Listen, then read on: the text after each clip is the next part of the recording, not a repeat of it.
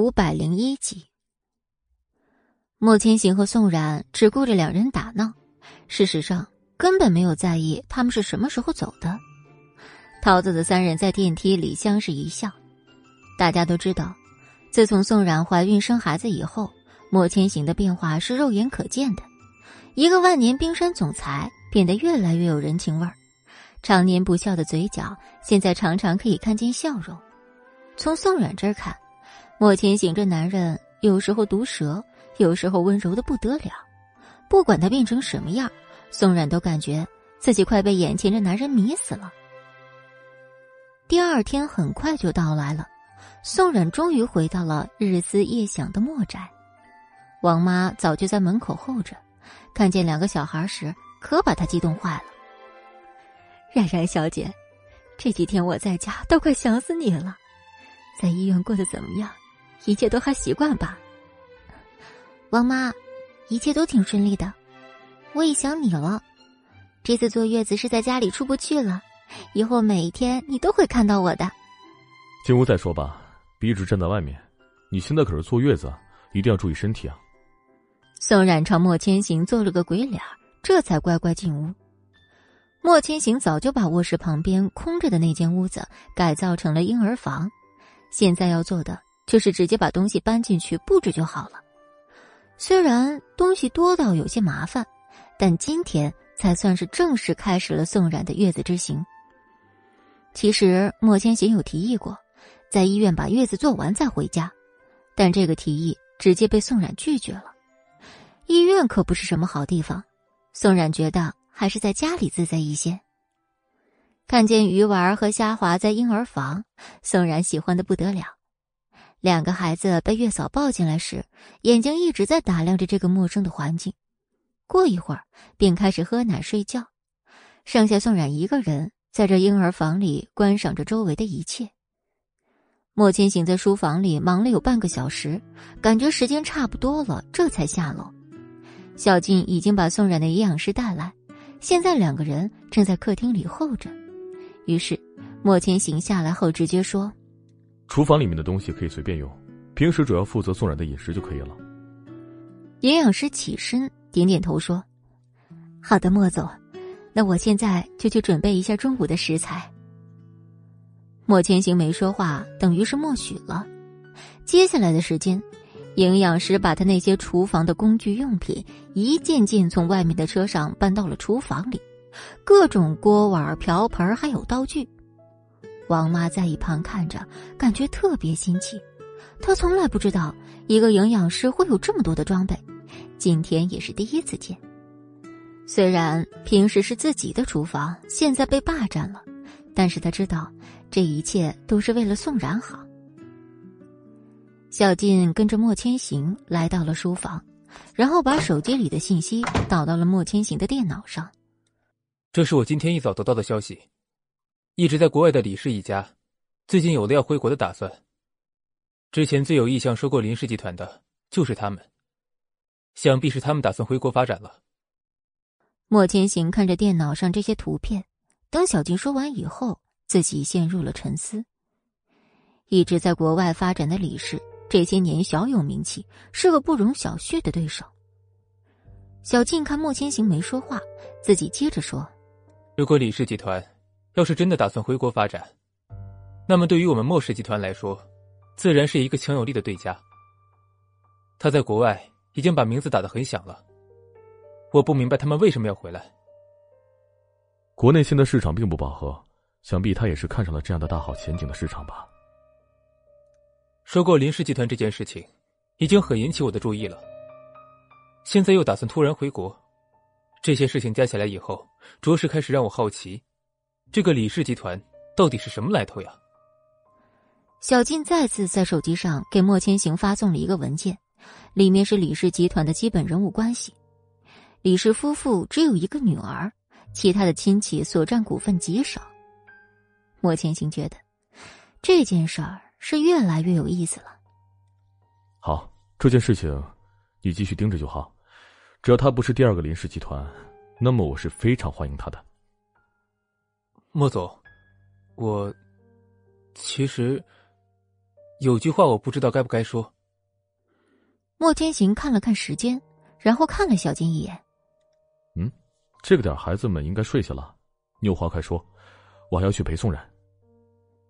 我查到了一件事情，那就是李氏千金曾经在几年前说过喜欢你。这件事情被林氏的林雨柔得知后，便用手段把他给赶走了。莫千行根本不知道，竟还有这样的事儿，于是抬头看了一眼小静。最主要的是，那个时候李氏还是一个小透明集团，但是出国以后没多久便混起来了。至于你的那几年，林雨柔替你清理掉了周边所有想要接近你的女人。没等莫千行说话，怕死的小静直接退出了书房。莫千行再次打开电脑，找到李氏集团千金的照片，自己盯着看了半天，但脑海里却没有什么印象。小静从书房逃出后，便接到了思慕的电话。你现在在哪儿呢？林雨柔又从监狱里面跑了，我真的是要被气死了。刚才监狱那边给我来了电话，你看能不能查一下她的位置？一听到林雨柔这三个字，小静就感觉脑子非常劳累。二季。一个女人抓了这么多次，不管怎么样，还是会被他抓到机会越狱。监狱这帮人真是吃闲饭的。还好小静上次在林雨柔身上装了一个监控。小静看了一眼书房，门还是闭着的，自己思考了一下，便说：“知道了，你先去忙你的事情吧，我这就帮你去查。有消息的话，我打电话联系你。莫总现在在处理别的事情。”这件事情，你就先别告诉他了。啊，好的，那这件事情就拜托你了。这个林雨柔，真的是让我操碎了心呐。电话挂断后，小静站在书房门口，不知道自己要不要进去找莫千行汇报林雨柔这件事儿。最后，他还是选择直接下楼，因为他现在不能确定自己刚才越界说了那么多废话，莫千行会不会生气。他看见王妈正在厨房给营养师打下手，于是自己直接在沙发上打开了电脑。林雨柔现在已经成不了什么事儿了，无非就是还不甘心罢了。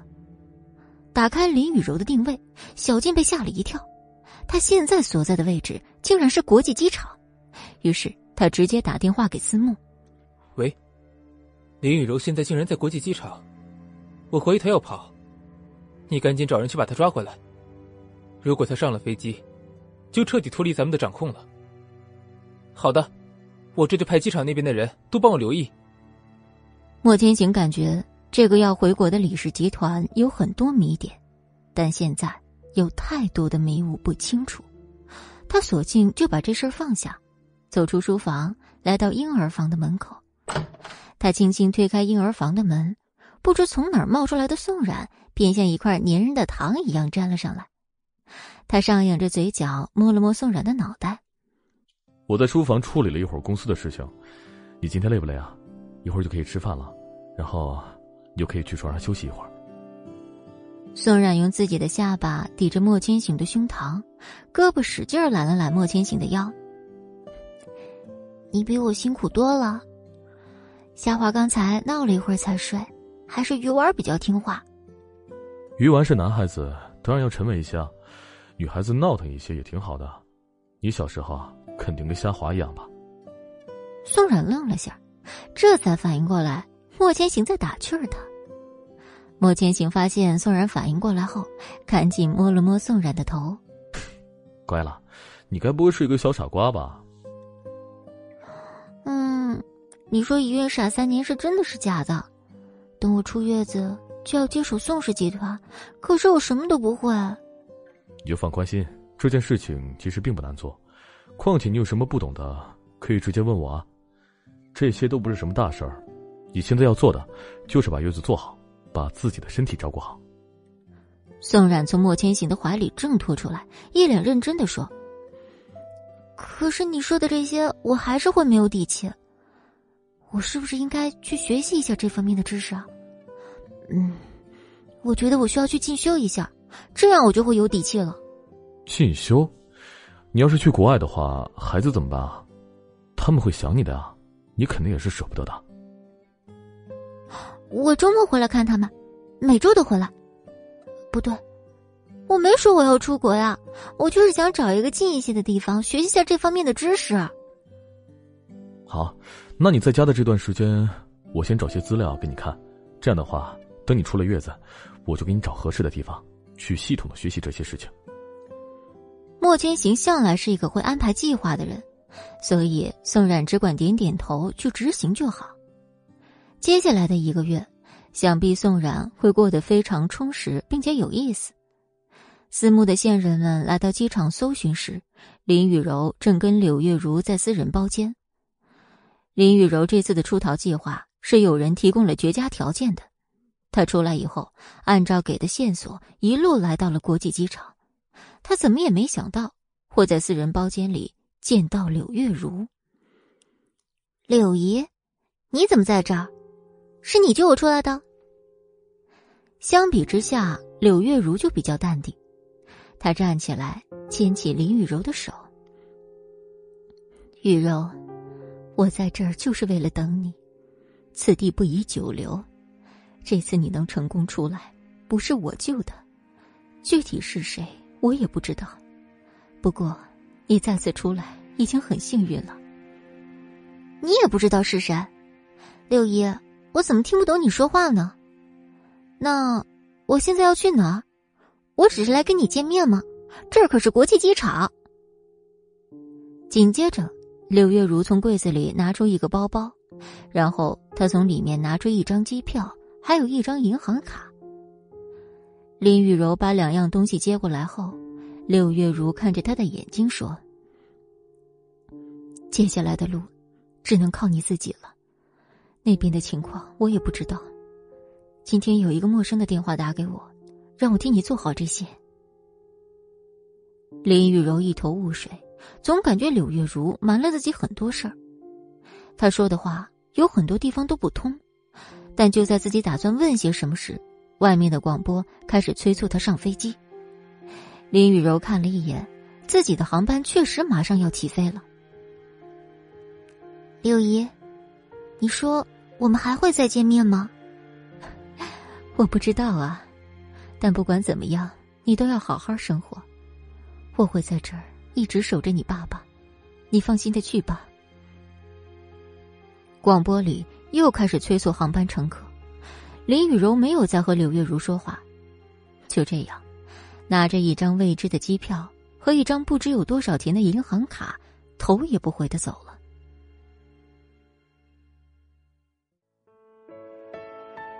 零三集，司慕派了一班人马在机场里连续搜索了两个多小时，可根本就没发现任何有关林雨柔的踪迹。其实，早在他们刚到机场。在各大出口搜索出入人员时，林雨柔已经从柳月如事先打通好的私人通道上了飞机。这两三个小时的搜查，说到底只是在浪费时间罢了。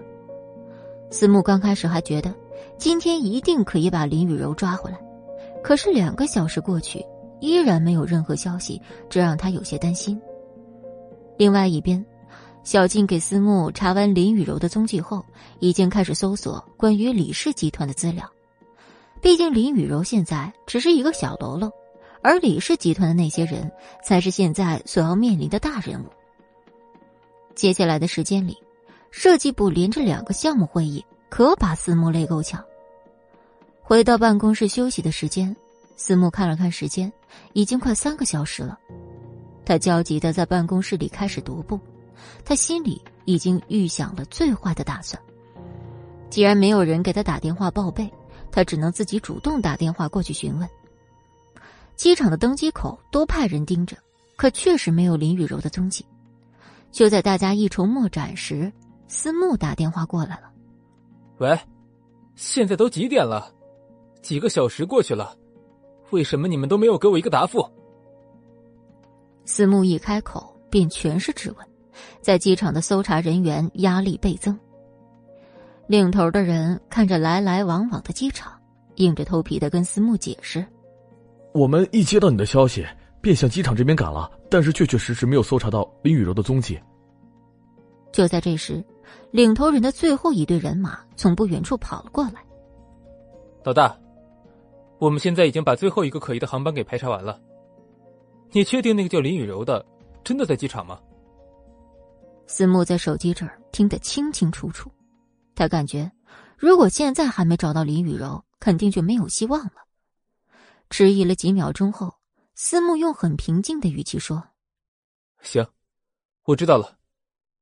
你们现在去查查，在你们来之前的那几场航班，林雨柔一定在机场。如果真的没有林雨柔的登机记录，那你们今天就可以收工了。”好的，我们这就去办。电话挂断，思慕感觉自己一个头两个大。刚才电话那头有人提出林雨柔不在机场的假设，这让思慕心里有了一点动摇。如果从一开始就是小静搞错的话，那么林雨柔现在还指不定在那儿躲着呢。为了第二次确认，思慕又给小静打了个电话。小静正在客厅专心致志的收集李氏集团的资料。根本就没听见思慕打来的电话声。由于小静不接，思慕就更加着急了。他没办法继续工作，只好去天台透气。莫千行在婴儿房里给宋然好好上了一堂人生课。宋然感觉开一个公司真是太不容易了。总而言之，一切都还有我呢。重新启动宋氏集团的事情，你就当成一种历练吧。就算最后还是不行，你也可以在家里做一个全职太太啊。听完莫千行说了最坏的打算，宋冉伸手在身前打了个巨大的叉哈。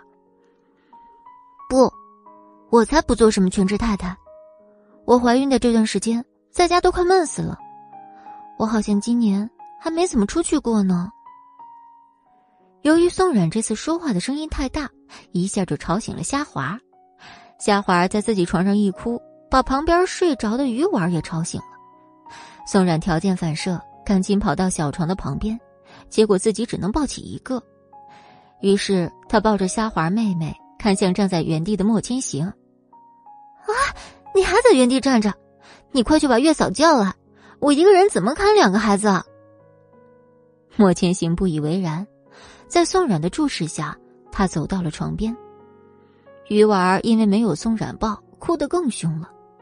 莫千行侧着身体蹲在床边，手只是伸在他小被子外面，轻轻拍了几下。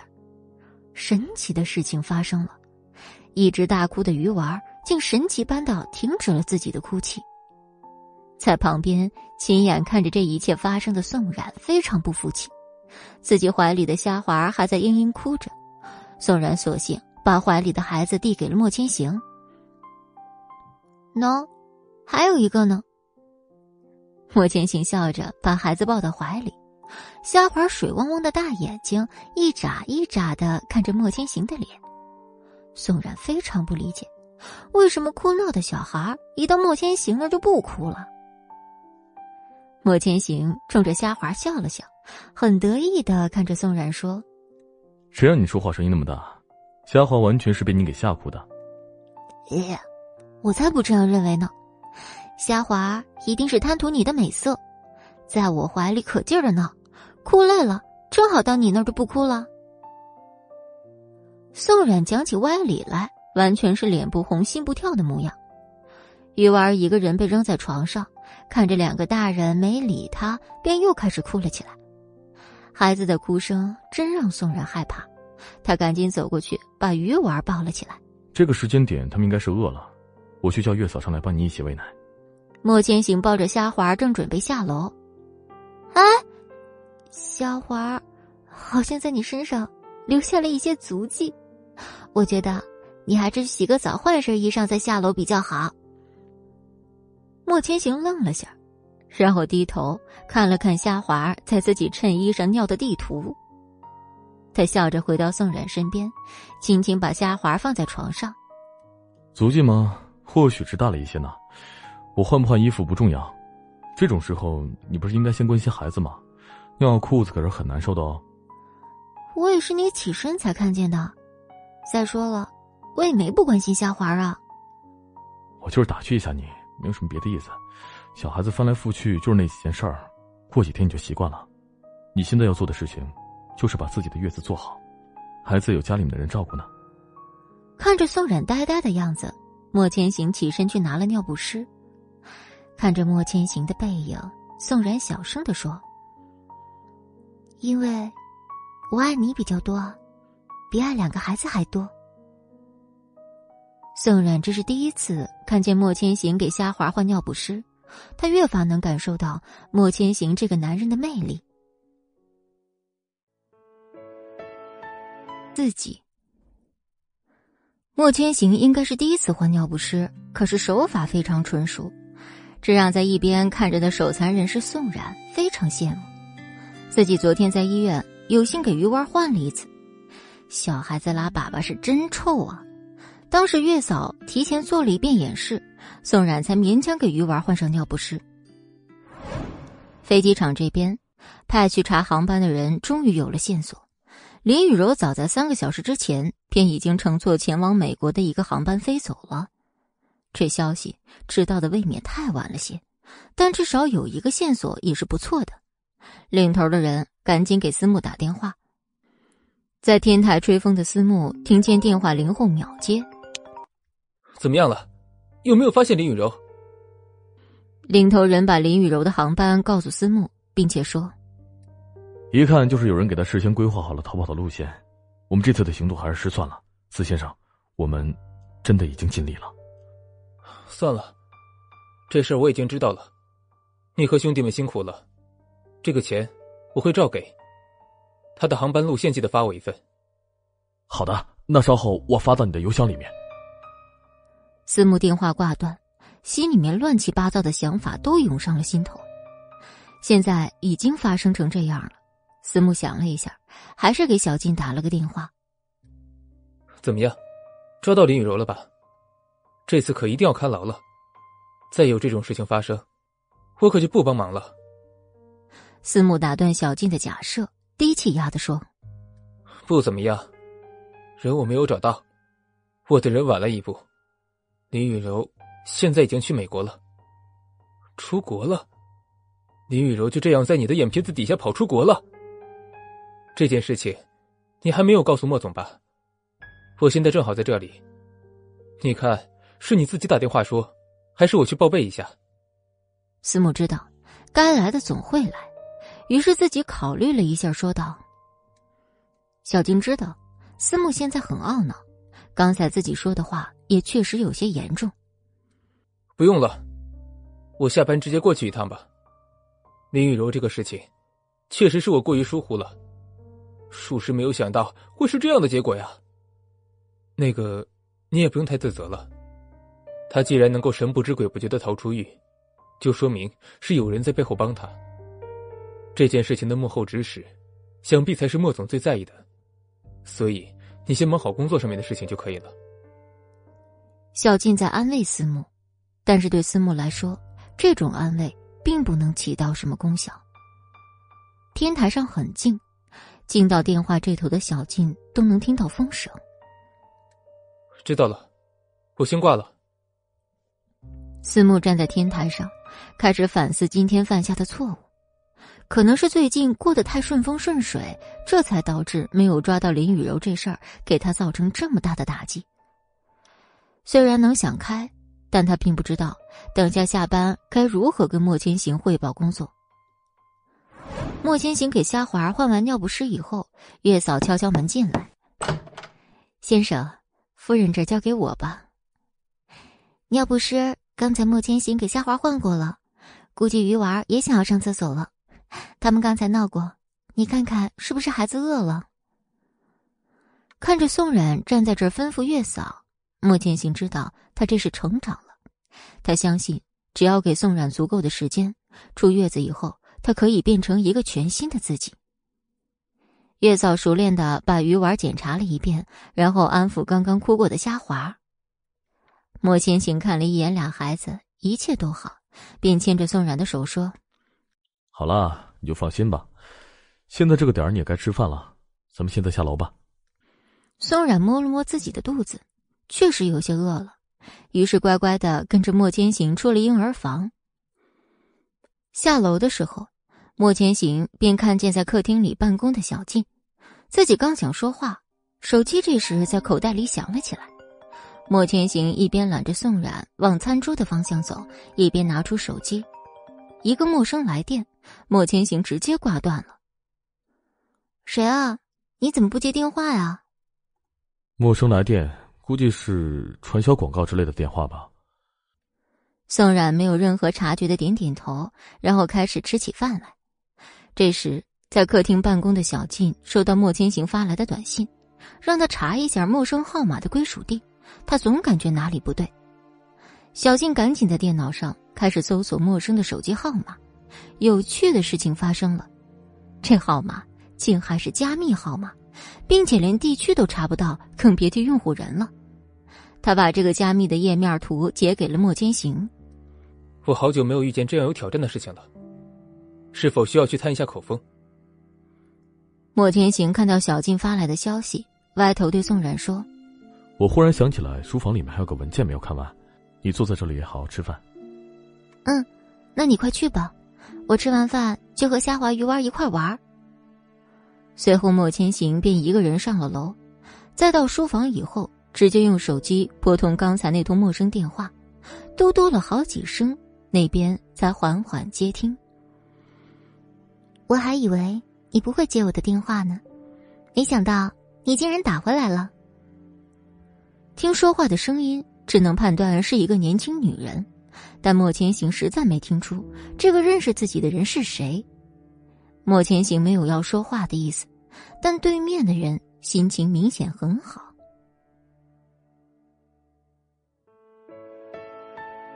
第五百零五集，思慕没有在天台继续停留，把自己负面的情绪压下去后，便下楼继续办公了。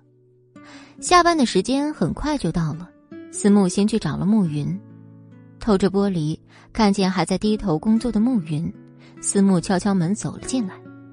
暮云皱着眉头，在抬头看见思慕的那一刻便舒展开来，他笑盈盈的看着走进自己的思慕，问道。你怎么这么早就过来了？这才刚下班，你们设计部这么早就放人啊？思慕坐到椅子上，这才跟暮云解释今天发生的事儿。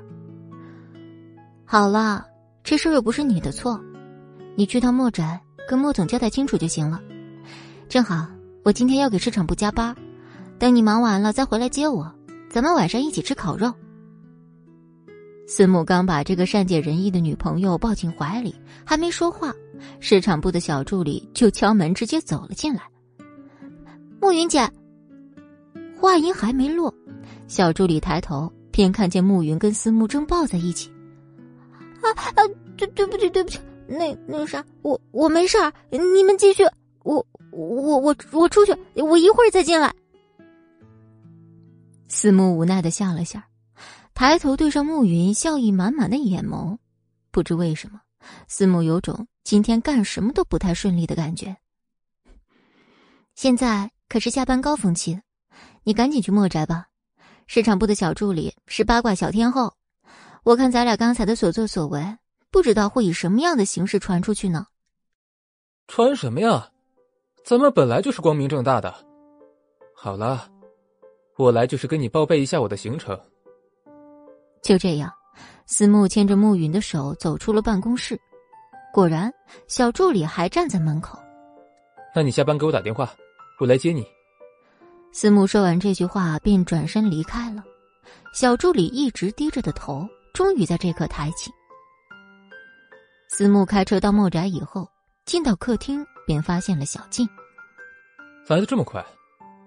开玩笑，我可是咱们集团公认的车速小王子。小静耸耸肩，表示自己不想接受思慕的自恋。于是指了指楼上，莫总在楼上待了有一会儿了，你直接上去看看吧。思慕点点头，但还没走到书房，便被婴儿房里的小孩子吸引了。于是他便先走进了婴儿房，跟宋冉一起看了会儿小孩。在书房的莫千行此刻还正打着这通陌生电话。莫千行，我是李一楚，刚才还沉浸在你回我电话的喜悦中，这刚想起来给你做个自我介绍。”莫千行的脑海里迅速给“李一楚”这三个字配对上了他的脸，就是在小静今天给自己的资料里面见到过。李一楚，李氏集团唯一的千金小姐。想到这儿，莫千行感觉这件事儿有趣极了。于是，莫千行从打电话开始一句话都没有说。李一楚继续试探的问：“喂，莫千行，你怎么不说话呀？是不是我这边信号不好？”不知道说什么。你打电话是有什么事情吗？你还真是一点都没变。五年前那会儿，你也是用这种语气跟我说话。李小姐不会是认错人了吧？我不认识你。说到底，他听到莫千行这个回答，还是有些失望的。不过李一楚并没有表现出来自己的失落，他拿起手边的酒杯晃了晃。你不认识我没关系。但李氏集团，你总归知道吧？哦，原来是李氏集团的千金啊！不过我还是不明白，李小姐，你给我打这通电话，这是什么意思呢？你放心好了，我没有任何要打扰你的意思。这不是近期准备回国，但国内又没什么朋友，哪怕在商业上，我相信我们一定会见面的。到那时，我再跟你打招呼，你不会还说不认识我吧？怎么会呢？日后见面，一定要好好的认识一下。好听的话，没人不喜欢听。于是李一楚又开始扯别的话题。莫天行感觉自己就是在浪费时间，于是看了眼手机，时间不早了。他也给足了李氏面子，于是直接说：“李小姐，你看我这边还有很多的事情要处理，所以今天就到这里吧，咱们有空再联系。”莫千行就这样草率的挂断了电话，李一楚的脸色在这一瞬间就变了。以前的莫千行就从来没正眼看过自己，这一点李一楚永远不会忘。想当年自己费尽心思的接近他，结果被林雨柔给欺负的那么惨，自己给莫千行写的那些情书都被林雨柔拦了下来，更过分的还远远不止这些。所以，李一楚坚信。自己当年捧着的真心，莫千行不可能毫不知情。现在，一切都变了，因为一些机缘巧合，李楚的父母来到美国开公司，李氏慢慢便发展了起来，李一楚也是彻底翻身。人都是会变的，所以当初那个憨憨的李一楚早就已经不在了。刚才自己给莫千行打的这通电话，其实只是为了试探他而已。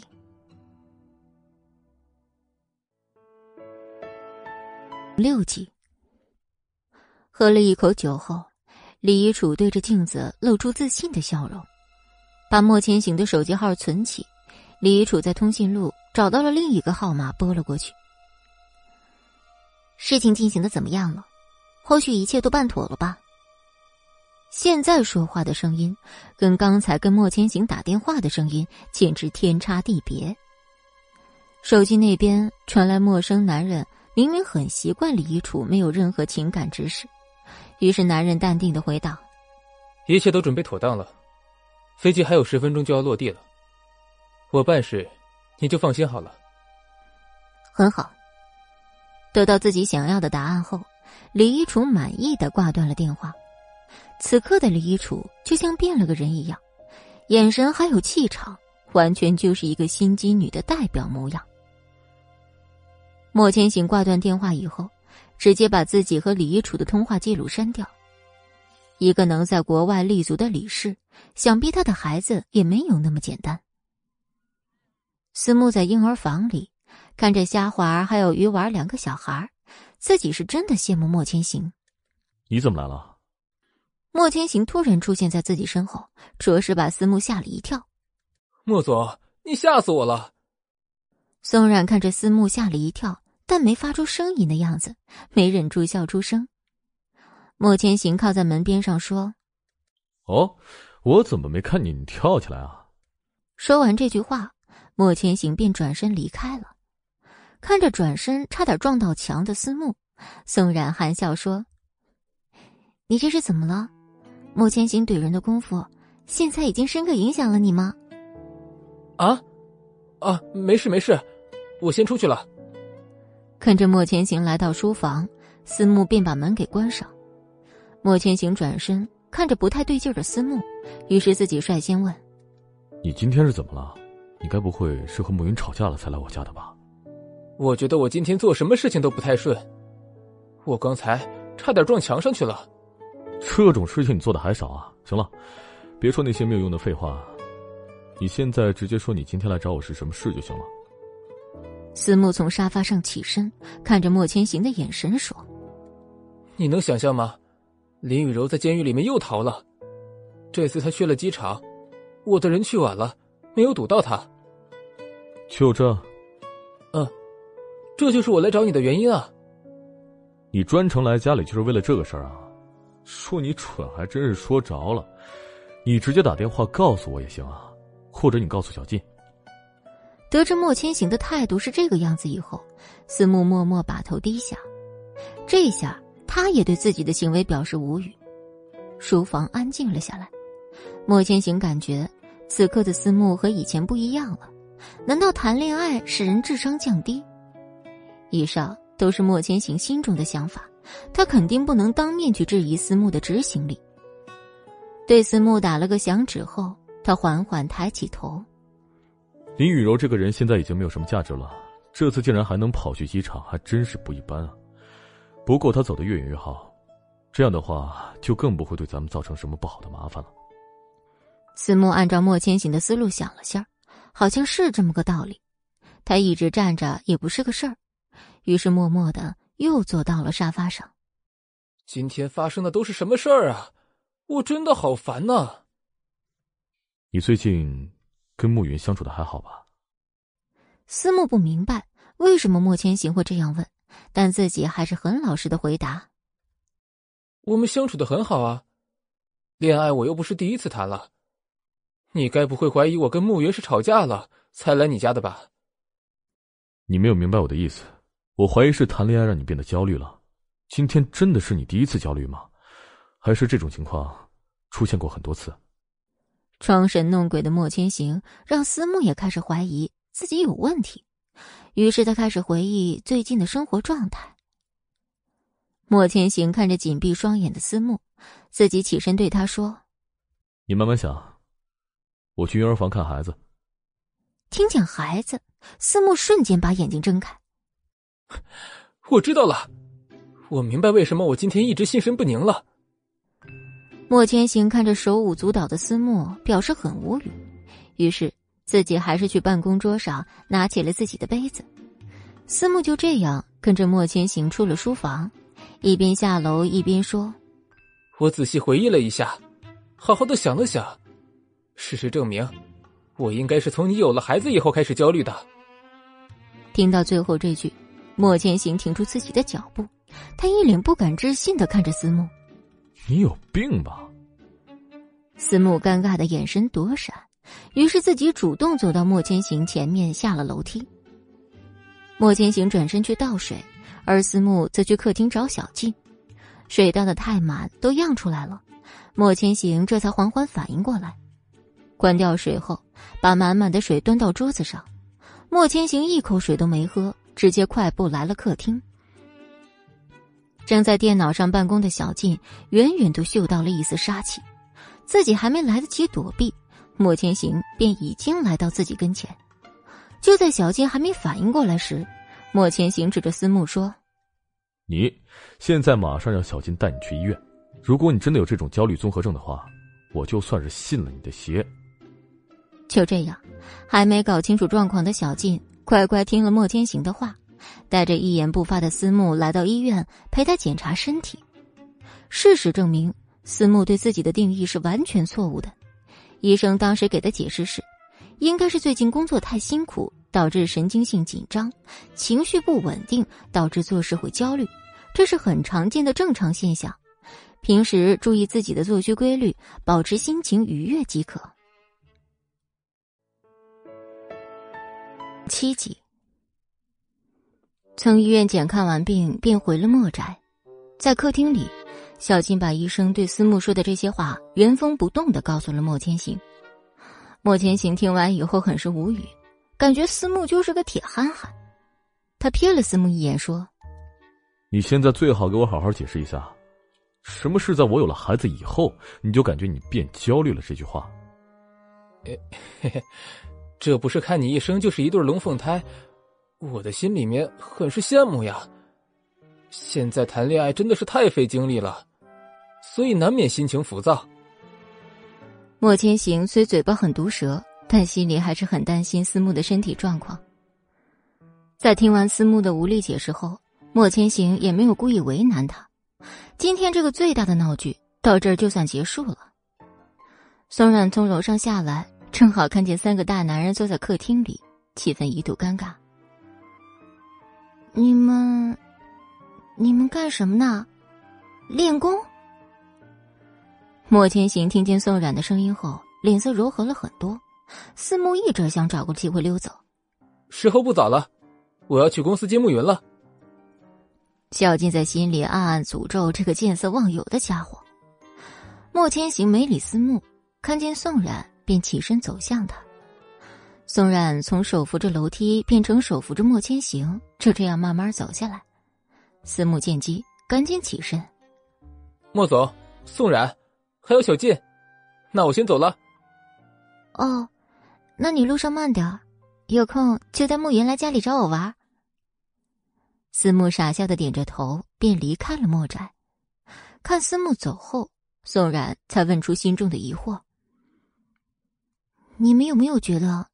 思慕今天怪怪的，可能有病吧，不用管他。小静在沙发这头强忍自己的笑意，继续拿起自己的电脑开始工作。飞机上，林雨柔想了很多，她对 B 市这座城市有太多的不甘心。不过，与其在监狱里蹲牢房，逃出国也没什么不好。刚开始上飞机时，他自己还很警惕的打量着周围的一切，最后。他还是没有扛过身体上的疲惫感。他睡着以后，感觉自己做了个很长的梦。他是被飞机上的广播吵醒的。原来目的地要到了。下飞机对林雨柔来说很简单，她没有任何行李或是包裹。就在自己开心的走到出口这儿，忽然有了种无助感涌上心头。美国这座城市，几年前来旅游过几次。但是当年跟现在的情况完全不一样，林雨柔的英语并不好，再加上现在孤身一人，现状很是未知。就在他站在出口茫然时，有个人拍了拍他的肩膀，这个举动可把林雨柔吓坏了，他下意识就要跑。林雨柔，林雨柔小姐，你跑什么呀？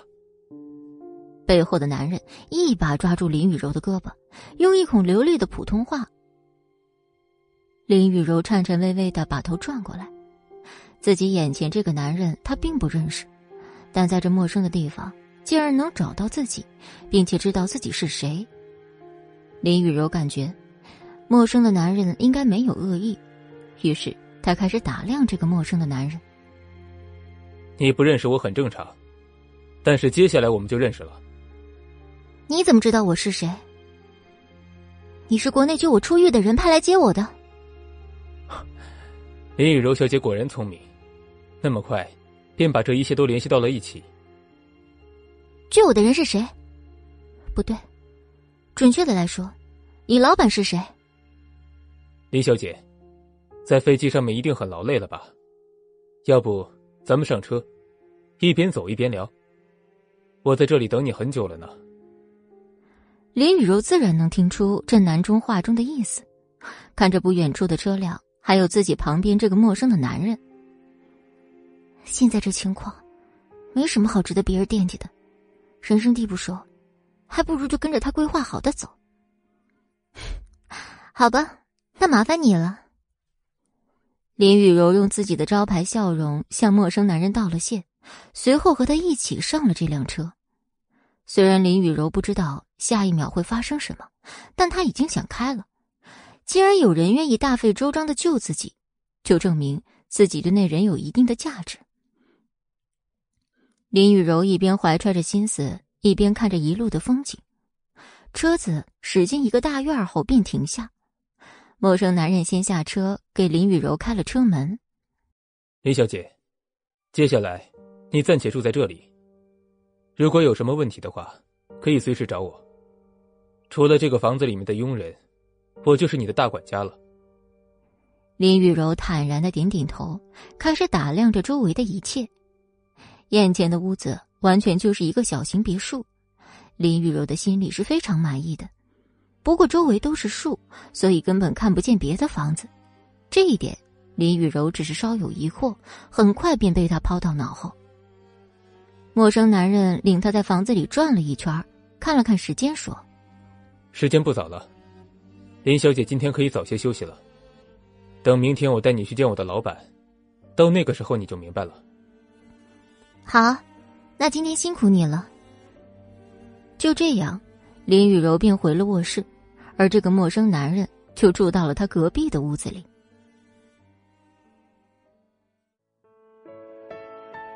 阿吉，林雨柔坐在柔软的大床上，但是没有任何睡意。他想过，他从监狱里逃出来，可是没想过自己会出国。从自己拿到机票的那一刻，他才知道。自己要前往美国，这种感觉放在谁身上都不会好受。这突如其来的一切，更像是密谋已久的行动，而自己在里面扮演着什么样的角色呢？他想不明白的地方太多了。林雨柔觉得自己的头简直要爆炸了，未知的事情太难猜测。最重要的就是，自己明天要和今天来接自己的这个陌生男人一起去见他的老板。林雨柔走到洗手间，打开水龙头后，静静的看着镜子。镜子里折射出的这个女人，脸上没有一点气色，无精打采的模样，更是让林雨柔知道自己现在有多糟糕、多狼狈。林雨柔走出洗手间，打量着这个卧室的四周，装修尽显低调且奢华。他已经记不清自己上一次在这样的屋子是什么时候了。他再次躺在床上，抬头看着天花板。虽然还不知道明天面临什么，总比在监狱里度日如年来的好吧。听到自己说的话，林雨柔的脸上总算是露出了久违的笑容。不安的心里，现在听到自己的加油打气，能有一点慰藉。可能是心理暗示过于成功，又或者林雨柔真的太过劳累。她闭上眼。很快便睡着了，一整夜都睡得很安稳。B 市，莫宅。宋冉原本认为，在自己还有一两个月要生孩子时，憋在家里是最难熬的。可是自己现在生完孩子，坐了月子，才知道什么是真正的难熬。以前每天都想着快点把孩子生下，现在只要孩子一哭一闹，宋冉都想把他们塞回肚子里了。自己一生就是两个，连哭闹声都是双份儿的。莫天行今天下午下班后，刚进屋就听见夏华大哭的声音。把自己公司的资料放在书房后，莫天行快步赶到婴儿房。只见宋冉跟月嫂忙得满头大汗，特别是宋冉看见自己推门进来，便可怜巴巴的看着他：“你这是怎么了？虾滑的哭声，我一进门就听见了。他就是一头小猪。”真的太能吃了，小嘴一停下就又哭又闹。但要是给他吃太多，我又怕他小身板吃不消。小孩子确实不能吃太多，不过你不要生气嘛。宋冉看着怀里刚刚睡下的鱼丸，生孩子已经很难了，没想到看孩子竟然更难。女人真是太不容易了，最重要的还要在家待上一个月才能出门。莫千行听到这儿，已经明白宋冉想要表达些什么，于是他示意宋冉把鱼儿放到床上。宋冉轻轻起身后，乖乖照做。莫千行看了眼月嫂，趴在宋冉耳边说：“其实你也没有生孩子的气，只不过是自己想出去玩了吧？”自己的意图被看透，宋冉的小脸一下就红了起来。他踮脚伸手去捏莫千行的脸，没有。我完全没有这种想法。哦，那是我想太多了。不过坐月子这件事情非常的重要，所以这段时间只能委屈你了。等出了月子，你想去哪里都可以，孩子咱们找人带着。完全给别人带，我怎么能放心呢？不过现在只能一个月嫂的话，我感觉自己太浪费精力了。莫千行转头看向刚把虾滑哄好不哭的月嫂，然后再转头过来看着宋冉，他心里有了新的想法，可以一举两得，既可以让宋冉看孩子不累，而且也不会让他觉得在家坐月子时间难熬。莫千行，你想什么呢？刚才是我自己没控制好情绪，我就是抱怨一下这一成不变的生活而已。从明天开始。我给你找一个老师吧，你一直带着孩子肯定很疲劳，我看一个月嫂也照顾不过来，正好我让小静给一块儿再找一个月嫂过来陪着你。啊，你要给我找老师，缓解疲劳的老师？莫千行真是被宋冉天真无邪的脑回路打败了，一孕傻三年应该是真实存在的。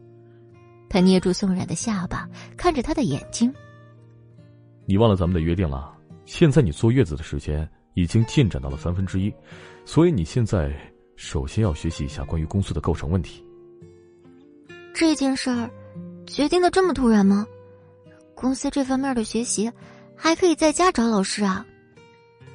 听到宋冉的疑问，莫千行真的觉得自己现在对宋冉的底线真的越来越低。这问的都是什么没脑子的问题？于是没忍住给他额头一个暴力。好疼，莫千行，你是在对我下狠手呀！一直躺在床上的鱼丸看到这一幕也笑了。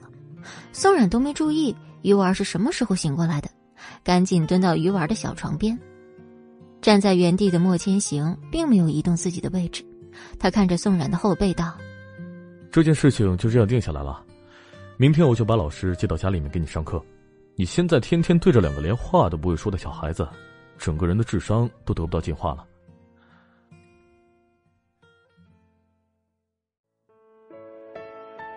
急，宋然感觉莫千行在挑衅自己，他心里是很气不过的。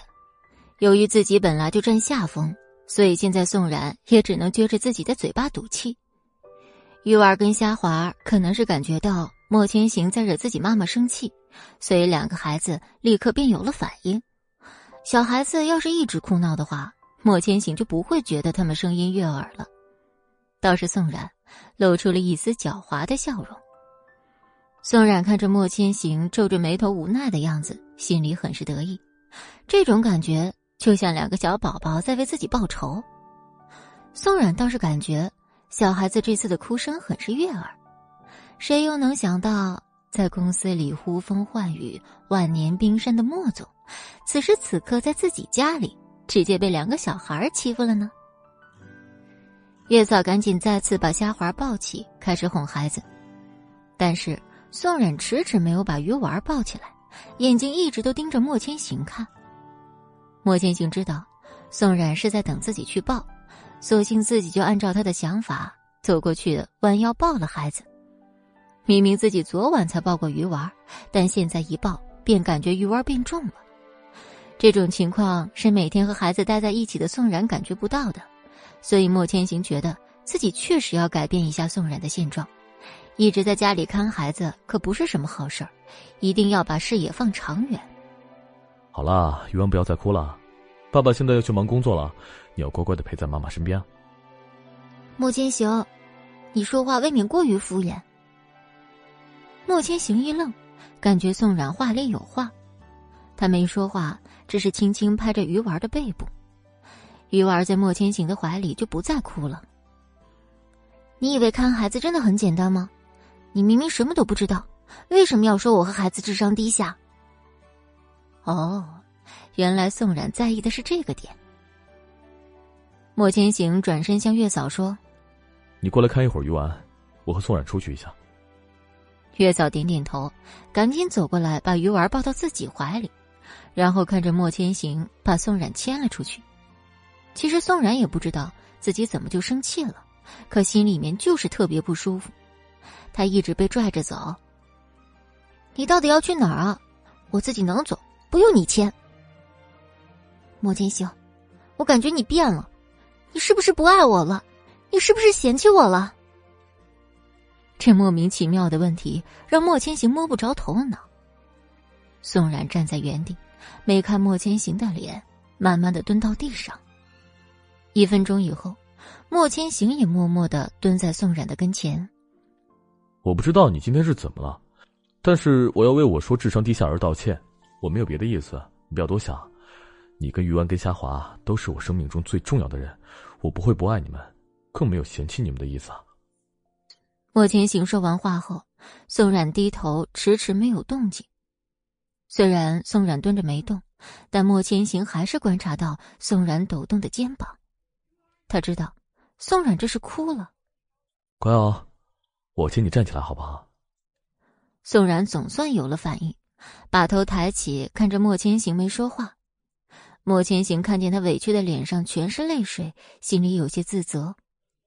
坐月子期间。宋冉的情绪难免波动大，都怪莫千行不够细心。其实我说出那些话就后悔了，可是我已经说出来了，我也不知道自己怎么就暴躁了，心里老是好几种不同的声音在响，我自己也很烦，可在孩子面前还要表现的快乐一点儿。可能是看孩子时间太长了，然后才会这样的吧。没事的。等明天我就把新的月嫂给调过来，你想看孩子的时候啊，剩下的时间便可以随意支配了。宋然感觉自己走到今天这步很不真实，是时候该做出改变了。他刚要站起，紧接着腿部便传来阵阵麻意，只好继续蹲在原地。倒是莫千行笑着站起来，脾气也发完了，现在跟我一起去书房选几本书读读啊。平心静气的放空一会儿自己的脑袋，这样心里面会舒服些。宋冉也想起来，可他腿麻了。啊，那个，那那个啥，你过来扶我一下，我腿麻了，站不起来。你是怎么做到那么可爱的说出这些话的？宋冉不知道该说什么才能让自己逃过这个尴尬的对话，于是他决定咬咬牙，自己站起来。这酸爽让他直接打了个冷战，差点没倒在地上。宋冉这假动作可把莫千行吓死了，他直接过来把宋冉横抱起来。啊！莫千行，你快放我下来！我的腿，我的腿快不行了，你别动！你你没听见吗？我说我腿还麻着呢，我真的快不行了，要死了，要死了！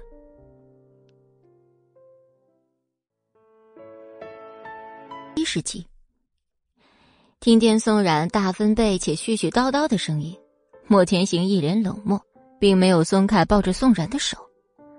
宋冉只好强忍着自己腿上传来的麻意，心里面很是苦涩。莫千行偷偷看了眼宋冉的模样，然后轻轻说：“你的声音那么大，估计穿透力已经到了鱼儿跟虾滑的婴儿房里面。我现在这是在帮助你活血化瘀，你不用太感谢我。”为了鱼丸跟虾滑，宋冉乖乖的闭上自己的嘴巴。虽然没有接着大呼小叫，但宋冉心里早就已经诅咒莫千行一万遍。这时，莫千行口袋里的手机震动了一下，宋冉翻了个白眼儿：“有人找你啊，快放我下来吧，我真的可以自己走，你要相信我。”你现在情绪变化极快，我要先搞定你，才能专心去忙其他的事情。好吧。宋冉感觉自己道行太浅，斗不过莫千行，于是他一边揽着莫千行的脖子，一边嘴里在嘟囔些什么。莫千行放缓自己的脚步，就想要听听宋冉在说什么，结果宋冉赶紧闭上了嘴。莫千行心里真的感觉宋冉就是一个小孩，但有什么办法呢？自己从几年前便开始喜欢这个女孩，现在只能说自己更加喜欢了。下次不要自己突然站起来了，这样容易摔倒的。我突然把你抱起来，是因为怕你再摔倒了。还有，我猜你刚才啊，一定是在说我的坏话。知道了，我又不是小孩子，不会摔倒的。还有，我没说你的坏话。莫千行虽然没低头去看宋冉现在的模样，但还是露出宠溺的笑容。还不是你先打趣我，我说出那些话是求救，哪儿可爱了？我看你就是想笑话我，所以我才自食其力的。莫千行一边推开书房的门，一边点头。我觉得我需要声明一下，你确实可爱，这句话不是骗人的，并且是毋庸置疑的。好听的话没人不爱听，宋然也不除外。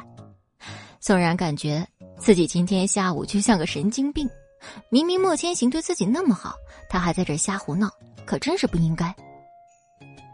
莫千行说完话，便把宋冉放下。宋冉依依不舍的松开自己的手，然后看着莫千行走到他书桌前，自己脚刚落地，感觉腿非常紧绷，他站在原地跺了跺脚。确定不麻以后，才放心的动了动。宋冉的这些小动作，全都被假装办公的莫千行看在眼里，心里充满了爱意。第二天很快就到了，早上叫醒林雨柔的不是陌生男人，而是他在监狱里锻炼出的生物钟。懒了几分钟床，林雨柔很快便去洗漱，整理好以后，他就站在窗边。此刻。外面正滴答滴答下着小雨，林雨柔感觉自己本来不是明朗的心情也受了一些外界的影响。她沉重的叹了口气，便听见了敲门声。进。陌生男人推门走到林雨柔跟前。林小姐，昨天晚上睡得还好吗？一切都挺好的，谢谢你。既然没有什么别的事情。现在咱们就去见老板吧。好，该来的总会来。就这样，陌生男人给林雨柔打着伞，到了院子里，再次坐进昨天接自己的车里。林雨柔感觉自己的心一直在狂跳。林小姐今天早晨醒的那么早，现在会不会很饿？我不饿。结果话音刚落，肚子就不争气的发出咕噜的声音。林雨柔觉得车里的空气都凝结了，这太尴尬了。本来想要给你准备早餐的，老板打电话来说要和你一起吃。林小姐不必拘束自己，等一下便可以吃饭了。听到“老板”二字，林雨柔开始幻想等下见到的人会是什么模样。滴答的雨声很催眠，不知不觉，林雨柔便眼皮打架。林小姐，我们到了。听见声音，林雨柔睁开眼，尴尬的对他笑了下。陌生男人撑开伞下车，然后去给林雨柔开门。林雨柔抬头看着这个比自己昨天住的地方还要豪华一百倍的大别墅，心里对等下要见的老板更加好奇了。看见林雨柔停住的脚步，陌生男人在旁边小声道：“林小姐。”咱们还是不要让老板在里面等太久才好。林雨柔赶紧对他假笑，然后无比认真的点点头。其实他一边往屋里走，一边在心里骂自己蠢。从今天起床后，便在这个陌生男人面前丢光了自己的脸。不过现在显然不是自责的时候，因为自己已经迈进了屋子里。穿过巨大的客厅，林雨柔来到了餐厅。餐桌前有好几个佣人，还有一个女人正在低头吃饭。陌生男人走到那女人跟前说：“老板，林小姐来了。”你终于来了。他放下手中的筷子，声音不大不小，对林雨柔说道：“看着这个女人的脸，林雨柔感觉很熟悉，但是又想不起自己在哪儿见过她。”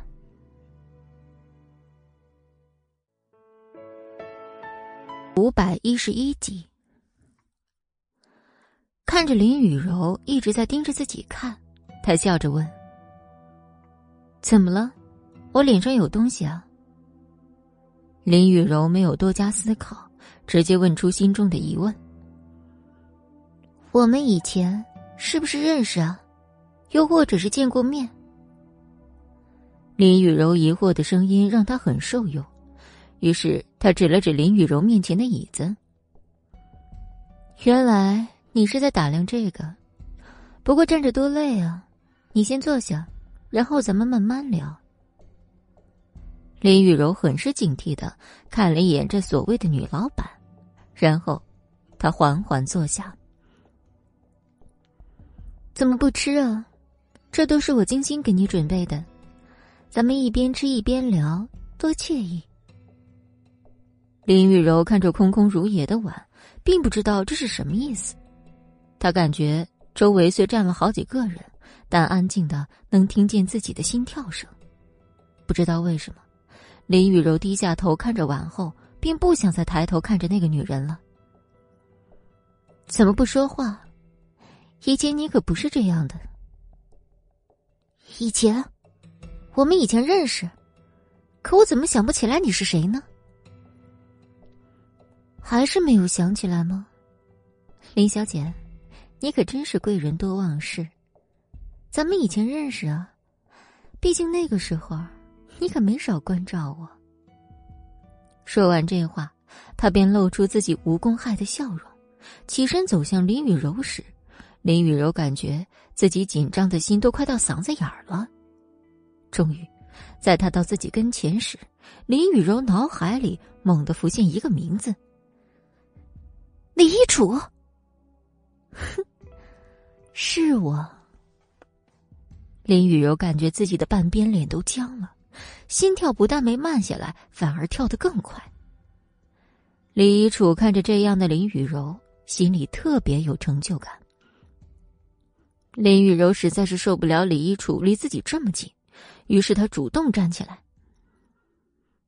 救我出来的人是你，你为什么要救我？为什么安排我来美国？你的问题好多啊，让我想想该怎么回答你。要不然你先回答我的问题吧，我很好奇，你刚刚怎么猜出是我的？哦，对了，我毕竟给了你那么多时间思考，我果然是个有情有义的人啊。林雨柔对李一楚的记忆并不是很深刻，好像是在莫千行人生低谷的那段时间大家认识的。那时候的李一楚就是一个不知名的小喽啰，但是心里面却暗恋莫千行。这件事儿被林雨柔发现后，私下多次警告他，后来发现。李一楚还是喜欢莫千行后，林雨柔有一段时间一直在针对他，用了一些小手段。想到这儿，林雨柔不寒而栗。B 市，莫氏集团，小静敲了敲莫千行办公室的门，然后走了进来。莫千行抬头看了他一眼，说：“让你调查的事情怎么样了？”李氏集团的人做事极其谨慎。目前来说，我还没有查到什么有用的线索。只不过，我突然想起来，林雨柔的航班目的地也是美国，我正在调查当中。林雨柔，小静认真的点点头，然后从手机上找到林雨柔逃走那天的航班行程。莫天行看完后陷入沉思。林氏集团和李氏集团没有任何来往，按道理来说。林雨柔和李氏集团也不会有什么关系，远在美国去控制毕氏的一个小监狱完全没有必要。不过，小静的联想也没错，林雨柔这次逃出，直接飞往美国，确实很让人心仪。莫总，我心中有一个大胆的推论，我觉得林雨柔这个人，虽然对我们没有用，但是对于马上要回国发展的李氏集团，可是一个有用的人呢。咱们现在作为国内最大的集团，自然是李氏集团的敌人。林雨柔，便是他们可以用的一把刀。这段时间你进步了，独立思考的能力比以前好了很多。得到莫千行为数不多的夸奖，小静的心里非常高兴。就在自己想接着说时，敲门声又缓缓响起。没有想到林雨柔这个废棋，现在竟然要重新捡起来。我交代你的那件事情，可以先停下来了。你现在需要打听一下林雨柔的下落，还有就是找个机会，去探探林朗城的剑。林朗城，小静怎么给忘了呢？于是自己赶紧点点头。好的，那我今天等一会儿忙完就去一趟监狱。小静从莫千行办公室出来后，宣传部的小助理缓缓走了过来。莫总，我们跟骑士集团约好下午三点见面，等下还有三个文件需要你过目，我已经联系慕云姐，等下一起做报告。好的，我知道了。现在一天的工作量非常饱和，莫千行感觉自己真像是一个旋转的陀螺，一切的努力。都是为了让自己变得强大，这样才能保护好宋冉和孩子们。百一十二集，小金回到自己办公室后，快速把自己手底下的事儿全部交代好后，便离开了公司。骑士集团现在跟莫氏集团的合作比较多，因为共赢是一件大家都稳赚不赔的事儿。宋冉生孩子时。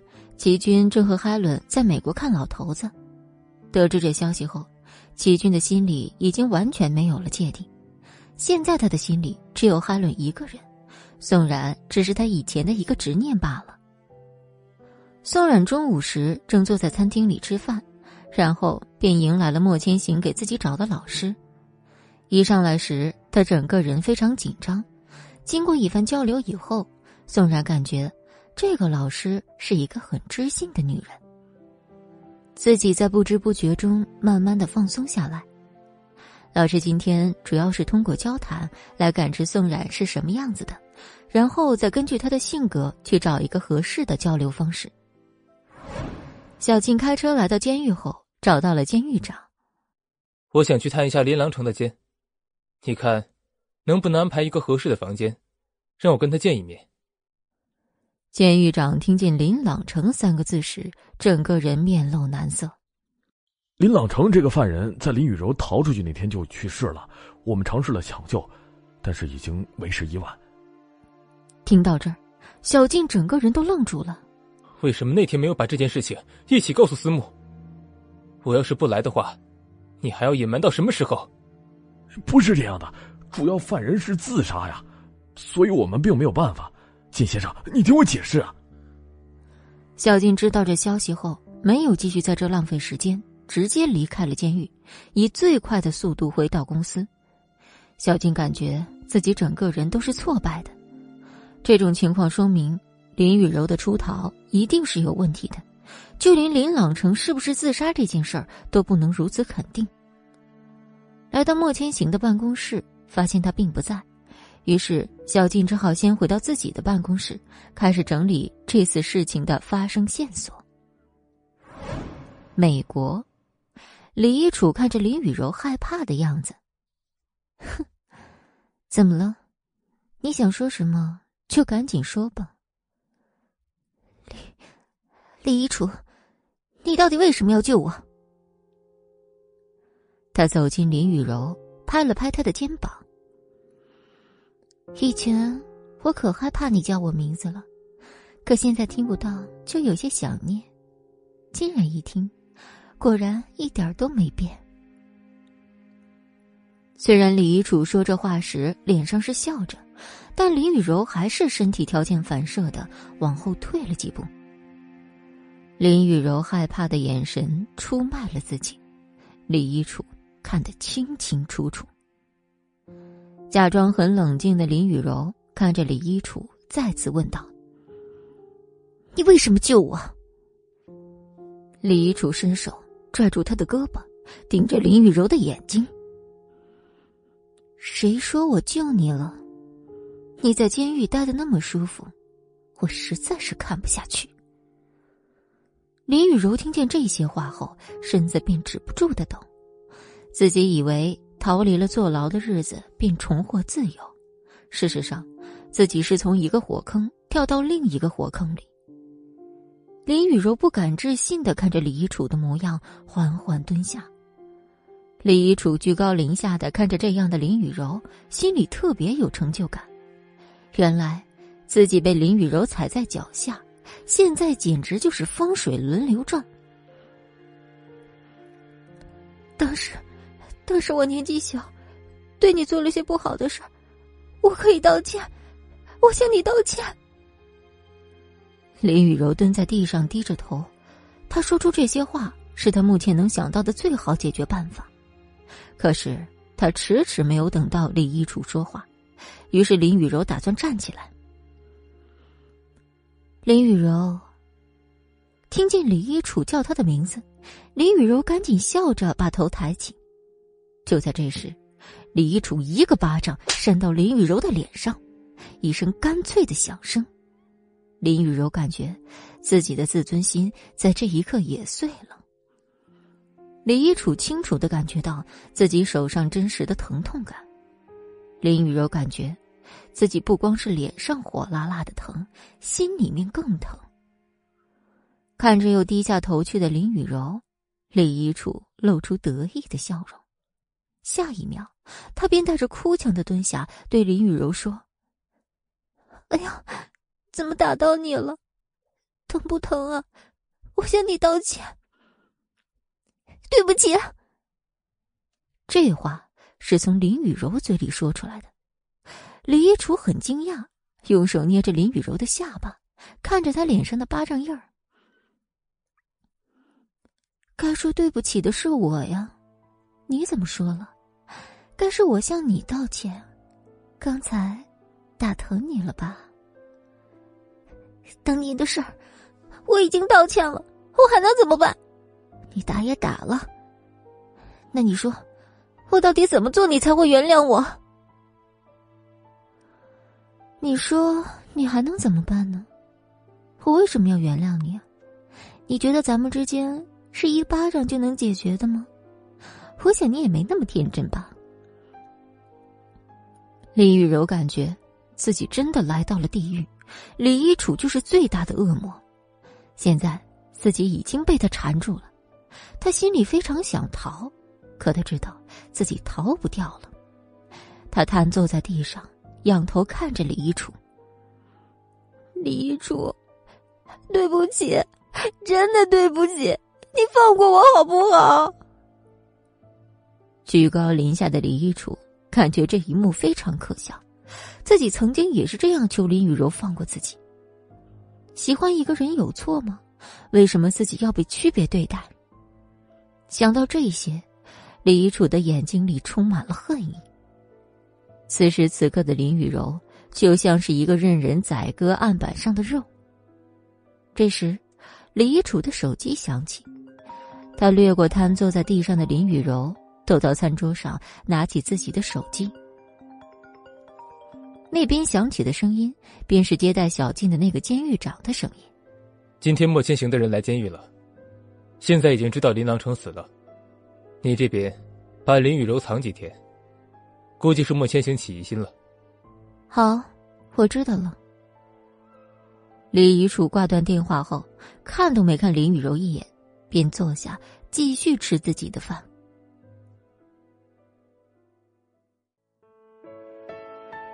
百一十三集，林雨柔在地上，整个人都是发抖的。过了几分钟后，她缓缓起身，看向正在吃饭的李一楚。脸颊已经完全肿了起来，但是林雨柔就像不知疼痛一样给了自己一巴掌。这干脆的一巴掌让李一楚抬起头来，他只是静静的看着林雨柔，并没有要说话的意思。这时所经历的每一分每一秒，对林雨柔来说都是种煎熬。林雨柔很清楚自己的处境是什么样的，所以她心里有了新的想法。李一楚看着林雨柔，感觉没趣儿，于是低头开始玩自己的手机。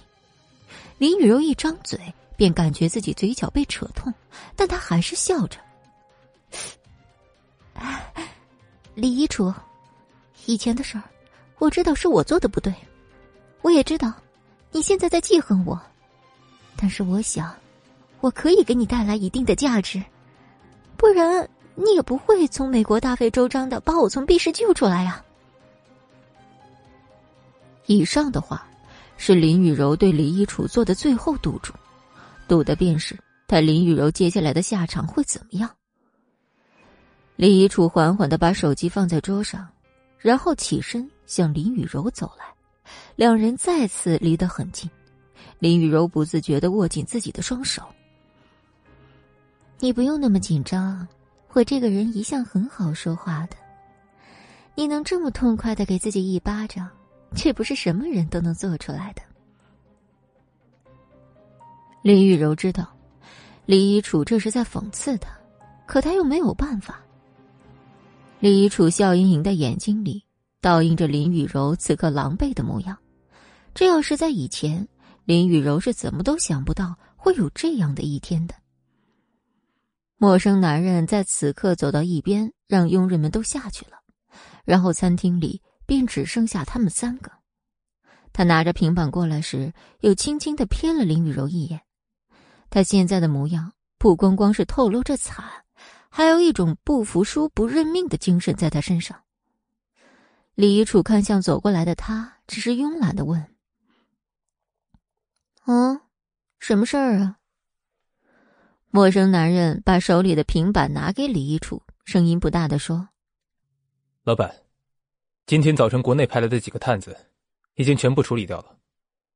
这是今天国内传过来的邮件，需要你过目处理一下。”林一楚的模样像是完全不避讳林雨柔一样，当着他的面便开始看新邮件上的消息。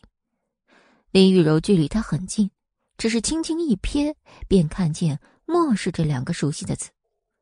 他虽不知道李一楚跟莫氏集团在干什么，但是自己在这方面完全可以帮得上忙，这让林雨柔更加坚信自己可以活着。李一楚皱着眉头把平板的信息看完，然后有一丝担忧的问：“好，我知道了，这件事情不是很合适，我父亲那边还需要你帮我撑一段时间，明天我便回一趟老宅。”一切按照原计划进行即可。陌生男人听完李一楚的话后，便退到了一边。林雨柔忐忑的试探问：“莫千行要来美国吗？没想到，你还在观察他的动向。他来不来美国，都不是你能问的问题。还有就是，你肯定也没想到，我竟然能混到今天这一步吧？”哼。当年莫千行都没拿正眼看过我，我想我现在这样子应该可以了。毕竟当年除了你的捣乱以外，跟我自己的自卑也有很大的关系。当年，你肯定以为我跟莫千行过得很好吧？其实我和你们一样，都没走到过莫千行的内心。我从来没想过，我们再一次见面会是这样。但我知道，我这是罪有应得。关于莫千行，你还没放下。最后这句话更像是来自林雨柔的试探，但李一楚倒是坦诚的点点头。B 市，莫宅。莫千行今天早早结束自己的工作，为的就是看一眼宋冉上课的状态是什么样的。把车子停好，莫千行怀着雀跃的心情开始往家里走，看见空落落的客厅。这是莫千行意料之中的。上楼之后，莫千行先是推开了婴儿室的门，发现两个月嫂正在给两个孩子喂奶粉时，他没有忍住，轻轻推门走进来，对月嫂小声说：“今天鱼丸和夏华没有不乖吧？”“啊，没有嘞，鱼丸少爷今天特别的乖。”莫千行满意的点点头，伸手摸了摸鱼丸的脸蛋儿。小孩子的皮肤可真嫩啊！莫千行没忍住捏了捏。问候完鱼丸，莫千行便来到秦阿姨身边。看见莫千行的虾滑，眼睛一眨一眨的，高兴的不得了。秦阿姨这个时候打趣儿道：“莫先生，虾滑这小姑娘可不得了，一天一个样，小姑娘的变化就是大。”莫千行宠溺的笑笑，然后眼睛一直盯着夏华的小酒窝看。自己本来是一个不怎么喜欢孩子的人，但这件事儿真实的发生在自己身上时就变了。果然，人类都逃不掉真香定律。趁着鱼丸喝奶粉时，莫千行偷偷的抱了抱软糯的虾滑。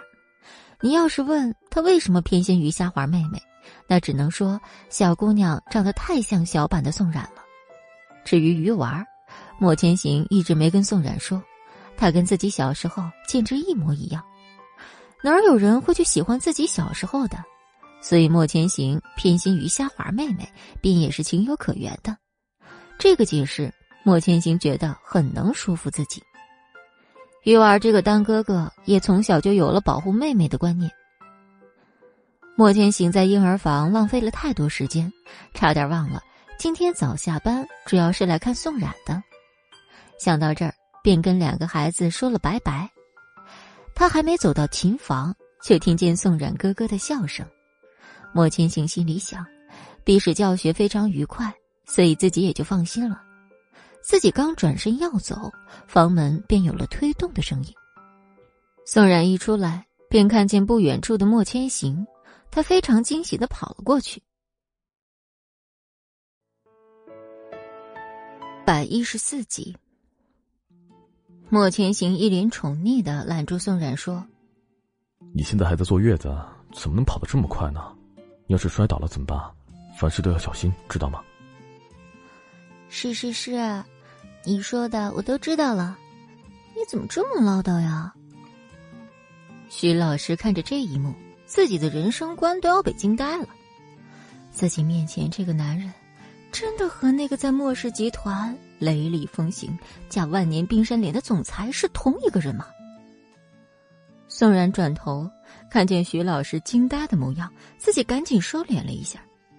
他牵着莫千行走过来，徐老师赶紧微微低头：“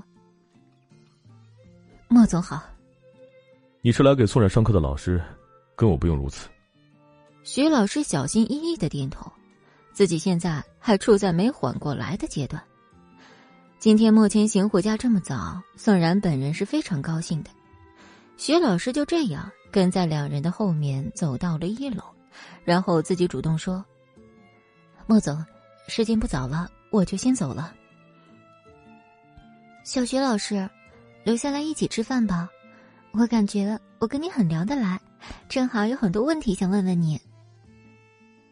徐老师下意识看了一眼莫千行，结果发现。莫千行的眼神一直在宋冉身上，恭敬不如从命。徐老师最后还是留下来和莫千行跟宋然一起吃饭。美国，看着林雨柔现在这模样，他笑着说：“想必你努力了那么久，没什么好结果吧？国内关于莫千行的事儿，我都在关注。你坐牢。”我也很惋惜，你们林氏集团最后草草结局，想必你心中有很多不服吧？林氏集团这四个字，在林雨柔这儿就是个又深又长的伤疤。当初有很大一部分原因是他亲手葬送了这一切，所以在自己入狱后，经常会做噩梦。林雨柔重新坐到椅子上，假装坦然的说。你不要再提这些已经过去的事儿了。我父亲现在承受着比我还惨的无期徒刑，每次一想到这儿，我就又有了活下去的动力。李一楚看着林雨柔陷入自我的样子，非常难以置信。没想到林雨柔的心脏这么强大，还真是李一楚小看了他。饭也吃的差不多了，于是李一楚建议去后院转转。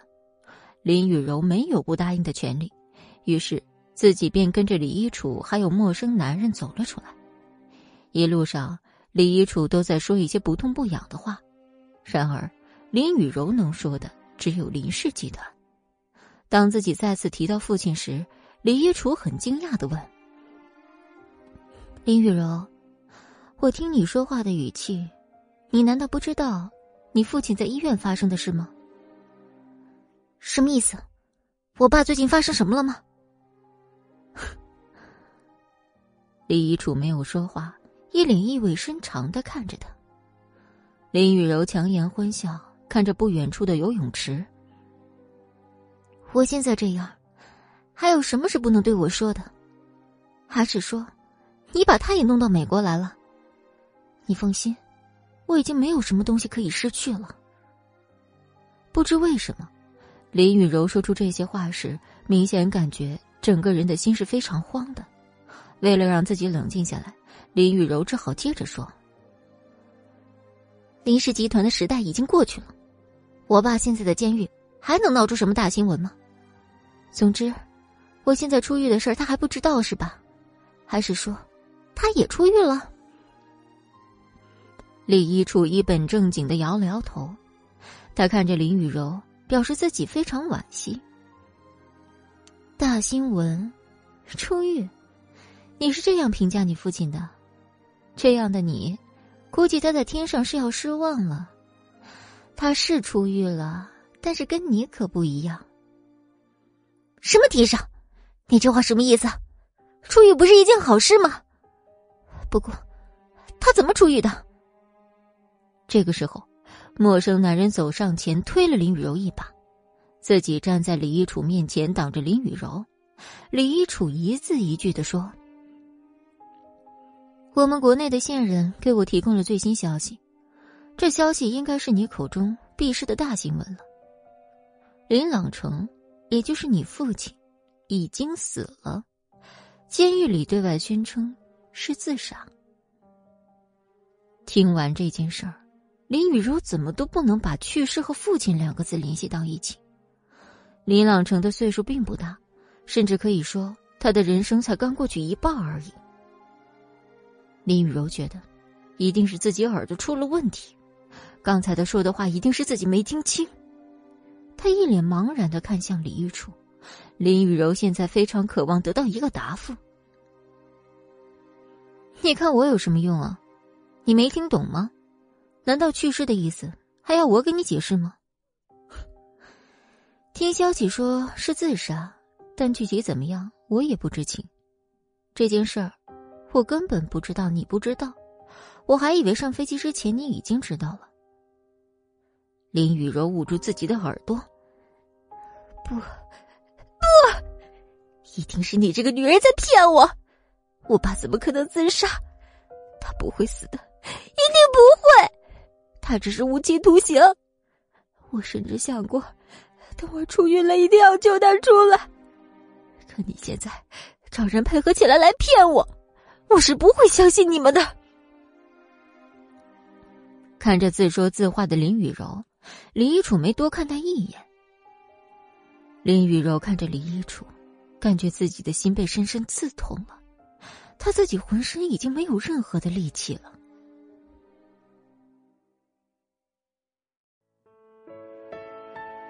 一十五集，他颤颤巍巍的转身到对面。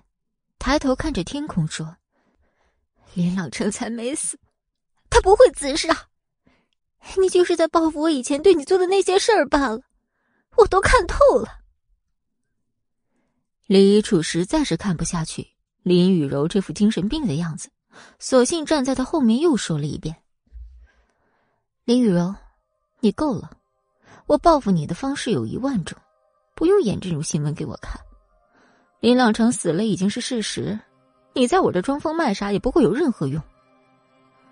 手机里面有关于你父亲去世的消息，要不你亲自来确认？李一楚走到林雨柔的身后，把手机递到他跟前。林雨柔知道李一楚就在自己后面，可他根本没有勇气回头。他低头看向游泳池，缓缓把自己的眼睛闭上。他缓了几秒后。转身走向李一楚，打掉李一楚手中的手机，可自己怎么都笑不出来。他脸上全是泪水，看不清李一楚此刻的模样。李一楚心里简直被林雨柔气死，但看着此刻他的模样，心里又有了一丝快感。李一楚，李一楚，给我一个机会，我需要你。我想留在你身边。我比你还要了解莫氏集团，还有莫千行，我可以帮你，帮你打败莫氏。这样的话，你们李氏在国内就一家独大了。李一楚冷冷的笑出声，他缓缓的捡起摔碎的手机，说：“你看这手机，虽然有意外，可它还是没有摔碎。既然能存活。”就有自己的价值。林雨柔，你父亲的死想必不是自杀那么简单。与其说你想帮我打败莫氏集团，还不如说你想找莫千行报仇。李一楚这样一说，林雨柔感觉自己一下子便被点化了。虽然自己刚才根本没有想那么多，但李一楚说的非常有道理。自己父亲去世这件事儿，已经是不能改变的事实。说是自杀，林雨柔根本不相信。想来想去，在 B 市想让林朗成死的人，只有莫氏集团。想必自己逃出监狱的事儿惹怒了莫千行，所以父亲替自己挡了这一切。虽然这只是林雨柔自己的猜测，但应该八九不离十了。林雨柔感觉自己气得牙根都疼了，她只好紧紧握住自己的拳头来表达自己的不满。李一楚，我父亲的死跟莫千行一定脱不了关系。我想做什么，不光光是为了我自己。给我一个机会，让我们一起联手对付莫千行。哼。当年的事儿，我虽恨你，但是我最恨的人是莫千行。我自认为自己与众不同，可我们哪一个人又不是自己家的宝贝呢？咱们女人还是要靠自己，男人实在是靠不住。李一楚，你现在是不是不恨我了？我感觉你刚才说的话特别有道理。我对莫千行执念太深，但是还没有一个宋冉来的影响大。我今天扇了你两巴掌，加上你自己扇的一巴掌，我觉得已经够解我的恨意了。你这个人很难让人喜欢起来，不过我会慢慢去适应。可是我还有一个问题，宋冉是谁？林雨柔愣了下，想想李一楚常年在国外，不知道也正常。接下来的时间，便是林雨柔给李一楚介绍宋冉到底是谁。那个狐狸精，还给莫千行生了孩子。想到这些，我就更生气。他应该是拿孩子捆住了莫千行，毕竟他们没有结婚，也没有公开。情妇都可以给莫千行生孩子，那你这几年在干嘛？林雨柔，你作为一个女人，是不是太失败了？要是以前有人对林雨柔说出这样的话，林雨柔早就一个巴掌扇过去，可今非昔比。当李楚嘲讽自己时，林雨柔什么都不能做。这女人一旦聊起来，便很难收尾。时间过得飞快，李一楚看了看时间，便对林雨柔说：“既然现在是一根绳上的蚂蚱，那你就继续回昨天别墅里休息吧。一会儿那就是你的住处，强子便是你的管家。”想必你们认识了吧？那我就不多做介绍了。听了李一楚的话，那陌生男人赶紧走过来说：“是的，老板，我和林小姐已经认识了。原来你叫强子，你以后叫我林雨柔就可以了。以后有什么事儿可以直接联系我，等会儿我便让强子给你把一切都配置上。”强子先是看林雨柔笑了笑，然后才对李一楚说：“好的，老板，等下我便去办。”这可能是林雨柔今天最值得高兴的事儿，毕竟今天自己刚来时那么惨不忍睹。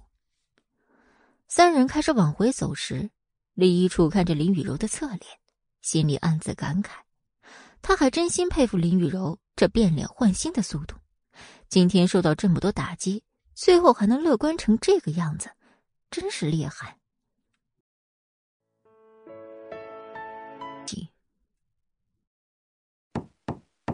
外面传来敲门声，莫千行正好签完最后一个文件，停下自己的笔，抬起头便看见小静一身正装的出现在自己面前。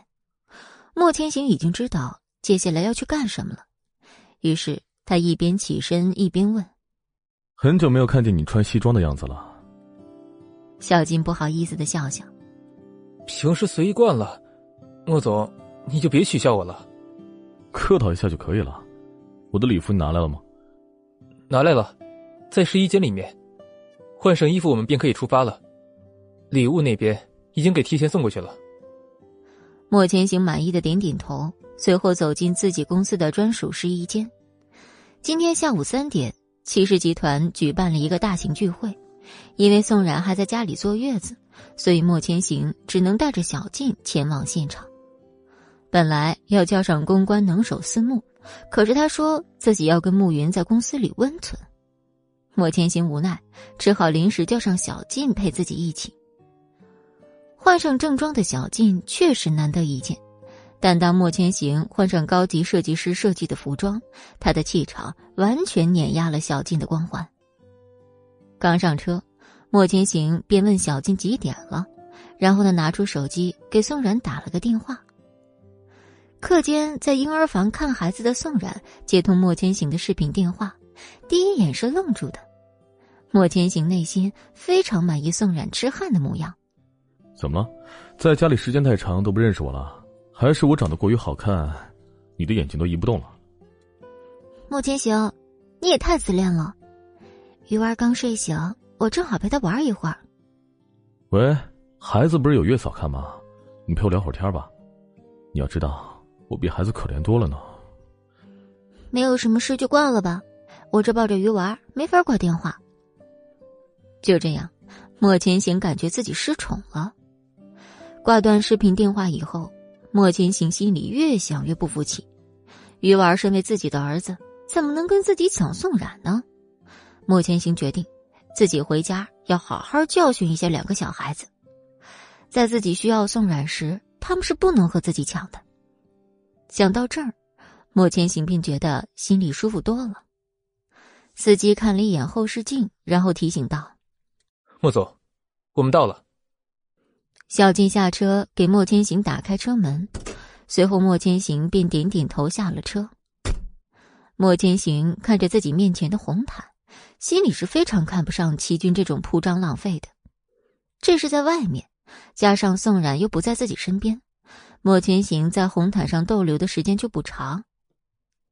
他快速的进入了酒会内部。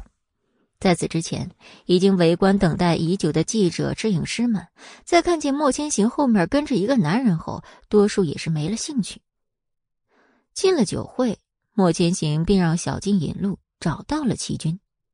此刻的齐军正被哈伦挽着手臂，跟一个长辈寒暄。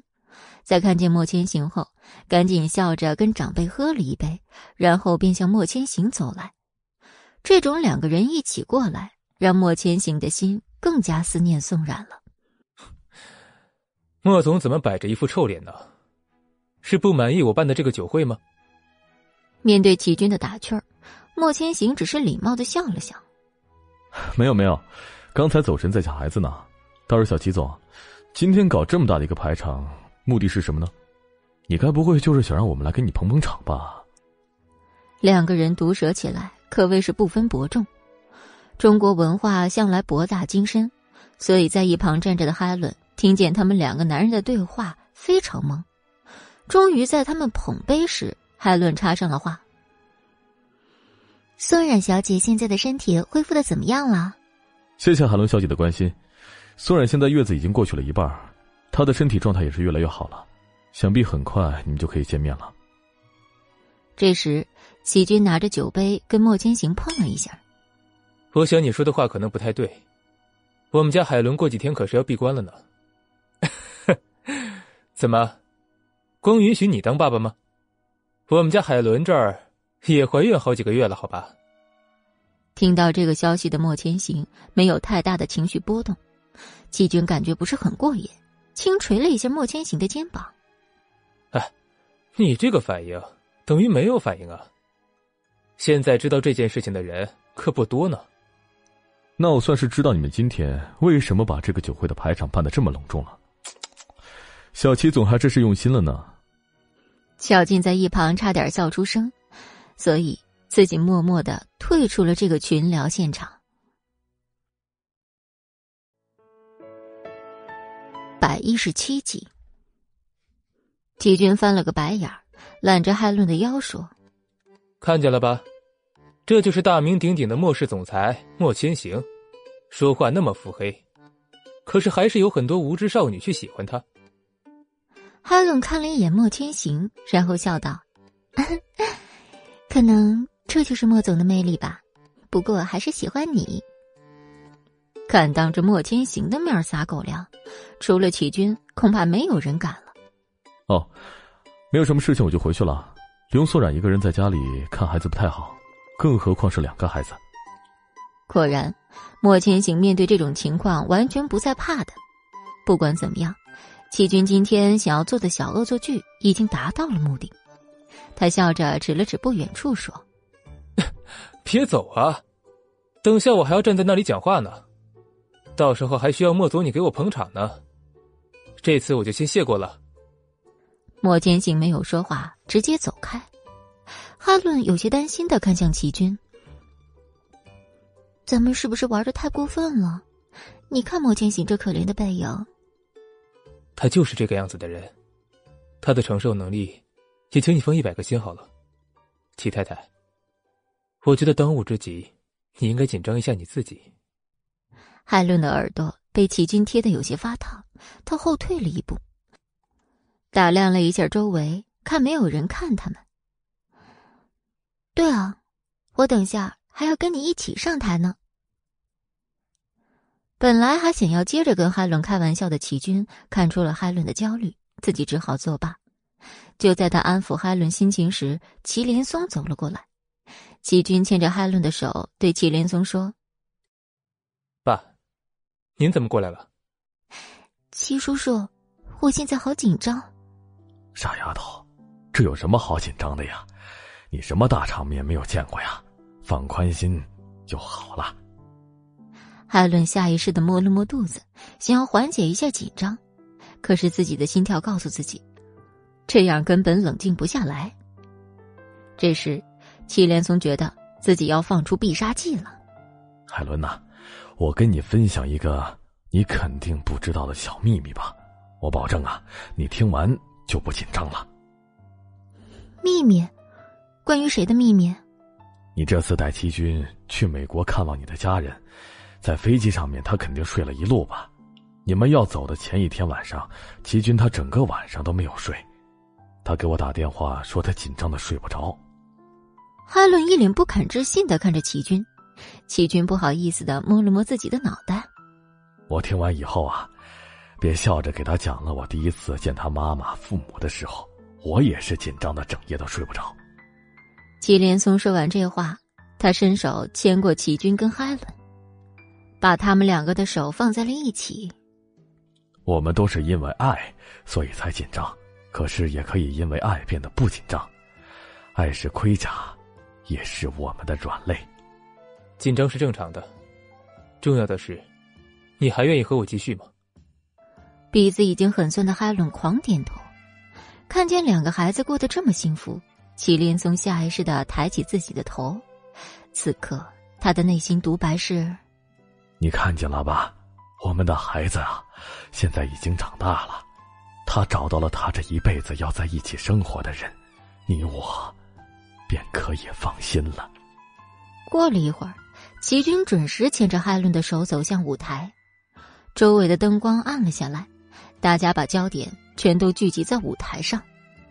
接下来的时间，齐军在台上跟在场的所有人坦诚公布了海伦已经怀孕这件事儿，大家纷纷祝福，很是羡慕他们。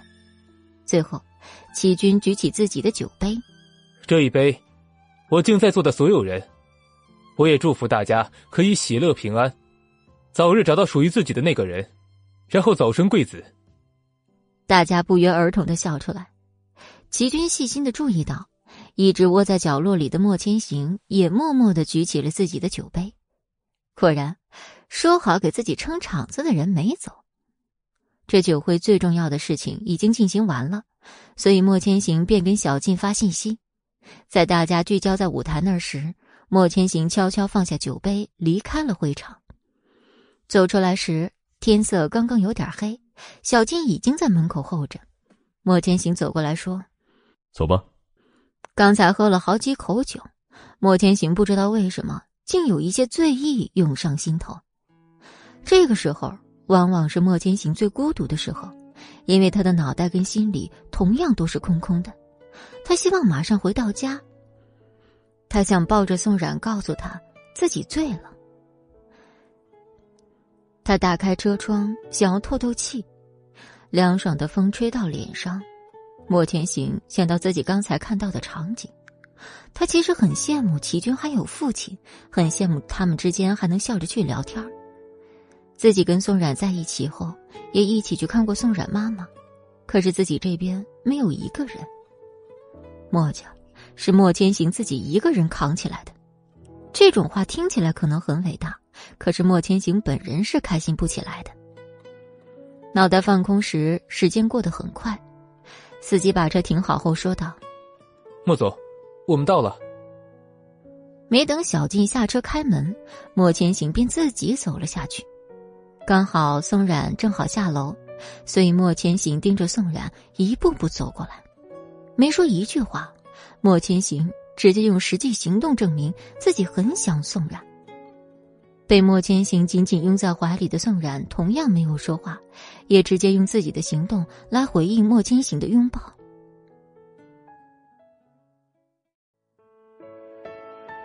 五百一十八集，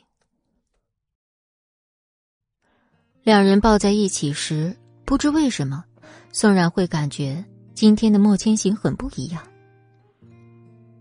莫千行，你怎么了？宋冉说完这句话，莫千行紧紧环着他的胳膊松了松，看着怀里这个可爱的人，莫千行感觉今天的烦心事儿都少了一大半。他抬头摸摸宋冉的小脑袋，没事啊，我就是很想你。简简单单一句话，宋冉感觉自己的脸一下就红了起来。他的小手轻轻的拍着莫千行的背，抬头对上莫千行的眼眸。宋冉感觉，自己眼睛里现在除了莫千行，谁也看不见。小傻瓜，那么长时间了，还会看着我发呆啊？哼，我好幸福啊！莫千行，坐月子虽然不能出去玩，但是我感觉在家里我一样过得很充实。这种日子就是我想过的日子，是不是很没有追求啊？这种日子同样也是我想要的。不过这种生活里面，一定要加上一个你才完整。最近过得很是太平，这让我非常的不安。林氏集团的事情已经完全处理干净了，其实集团跟咱们也算是比较好的合作伙伴。综上所述，我们现在过得太平是理所当然的。莫千行刚想说话，就感觉到宋冉的身子在自己怀里打了个寒颤，他真是太大意了。现在宋然可是在坐月子，两个人在外面站了半天，宋然可不能在外面站得太久。于是他牵着他的手往屋子里走。咱们先回屋吧，也许是我自己太多虑了。你现在要做的就是照顾好自己和孩子，然后准备筹备自己的公司。有任何的突发事件，我都会给你解决好的。你不要有任何的担心啊。我就知道你是对我最好的，我现在也没以前那么胆小了。如果真有什么事情发生的话，我一定会变强大，然后助你一臂之力。这些话从宋冉的嘴里说出来，有一种神奇的魔力。莫千行非常宠溺的露出自己的笑容，宋冉浑身都有一个当小孩子妈妈的样子，整个人还是一个活力满满的少女。此刻她心情极好，牵着莫千行的手，一蹦一跳的走进屋子。美国，林雨柔再次回到这小别墅时，对门口的强子说：“我想一个人待一会儿，可以吗？”这附近没有什么人，林小姐不要走太远了，一定要注意安全。有什么事情叫我就行了。林雨柔木讷的点点头，然后下车往门外走。强子在门口站着，并没有要跟过去的意思，就这样看着林雨柔越走越远。其实，林雨柔也不知自己想做什么。她很清楚自己想要一个安静的私人空间。走了有五分钟以后，在路旁看见一个椅子，她裹紧自己的衣服走过去，然后坐下。周围安静的，只有树叶在沙沙作响。林雨柔轻轻闭上自己的眼睛。林朗成可能不是一个好人，但是在林雨柔这儿，他算得上是一个好爸爸。自己坐上美国的飞机后，心里还想着自己东山再起，就救他出来。可现在一切都来不及了。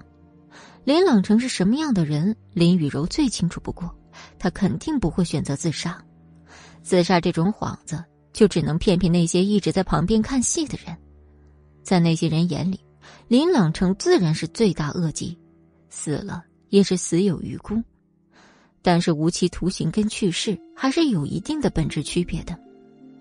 想到这儿，林雨柔心里很悲伤，悲伤的情绪完全大过了气愤的情绪。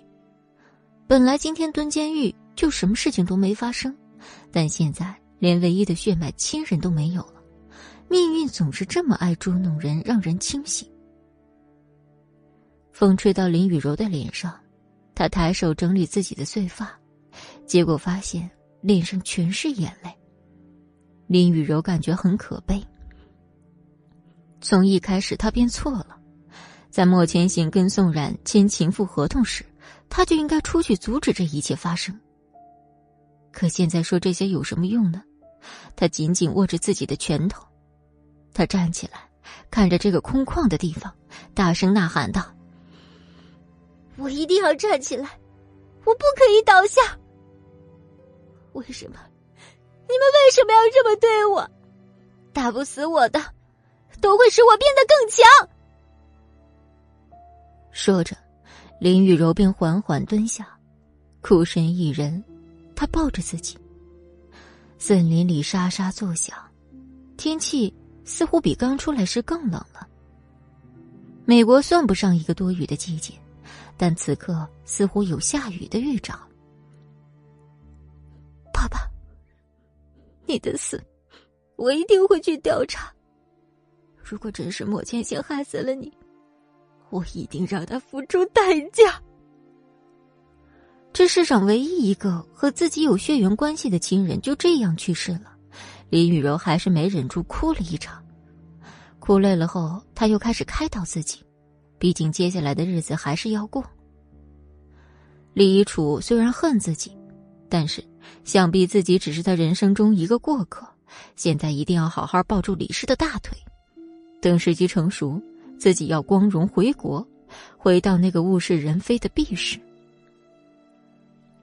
一个人蹲久了，感觉腿有些麻，林雨柔猛地站起，头有些晕，不知是心里有什么劲儿，他甚至尝试跑了起来，咬紧牙关，跑着跑着腿就不麻了。想到这儿。林雨柔就笑了，发自肺腑的笑。只要自己能克服一切麻烦，那莫千行和宋冉又算得上什么呢？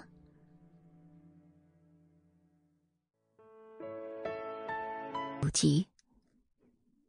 强子站在门口，看见气喘吁吁的林雨柔，并没有多问。他和往常一样，淡淡的表情，微微低头对林雨柔说：“这个天好像快要下雨了。”林小姐现在饿不饿？我让人给你做点饭吧。林雨柔看了强子一眼，然后哭了起来。这下强子没有表情的脸上有了一丝惊讶，他根本不知道这是什么情况。林雨柔也不知自己在哭什么，可能是真的饿了吧。林小姐，你这是怎么了？没事儿，强子，我们喝点酒吧。我今天心情很好。超级好，我高兴啊，喜极而泣，你懂不懂啊？好，我让下人给你做烧烤，怎么样？有酒喝就行，今天不醉不归。我林雨柔很高兴认识强子你这个人，我可是来美国见到的第一个人呢。强子没有说话，只是默默的站在林雨柔旁边。林雨柔笑着抬头看了看已经被乌云占据的天空，心里多了一丝释然。强子当然不知道林雨柔心里是怎么想的，所以只能默默的观察她的一举一动。林雨柔踉踉跄跄进屋子了，强子便去酒窖给林雨柔拿酒。B 室，莫千行和宋冉走进屋子，便听见楼上传来虾滑的哭声。宋冉的第一反应是抛下莫千行上楼，这反应让莫千行非常不悦。就这样，莫千行的醋坛子直接打翻在地。可毕竟小孩子是没有错的，于是他只好跟着宋冉上了楼。月嫂看见宋冉跟莫千行都进来，赶紧笑着说：“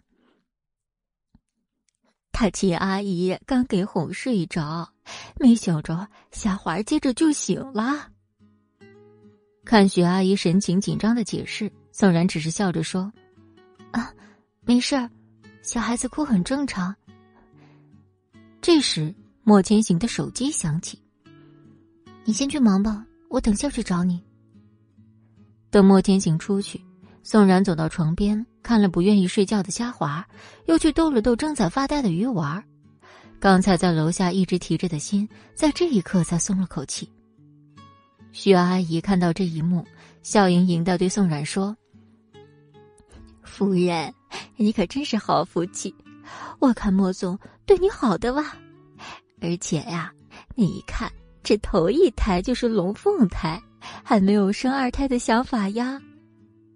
啊，这种事儿顺其自然吧，毕竟我这一胎已经顶别人生两次了。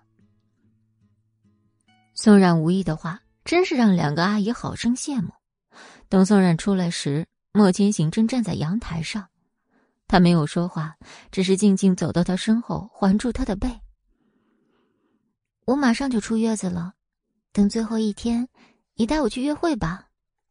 好，到时候带你去你最近喜欢的那家餐厅吃饭。宋冉开心的笑了，然后在他背部轻轻亲了他一口。宋冉这小傻子还以为莫千行感觉不到，其实那个瞬间，莫千行感觉自己的身体好像触电一样。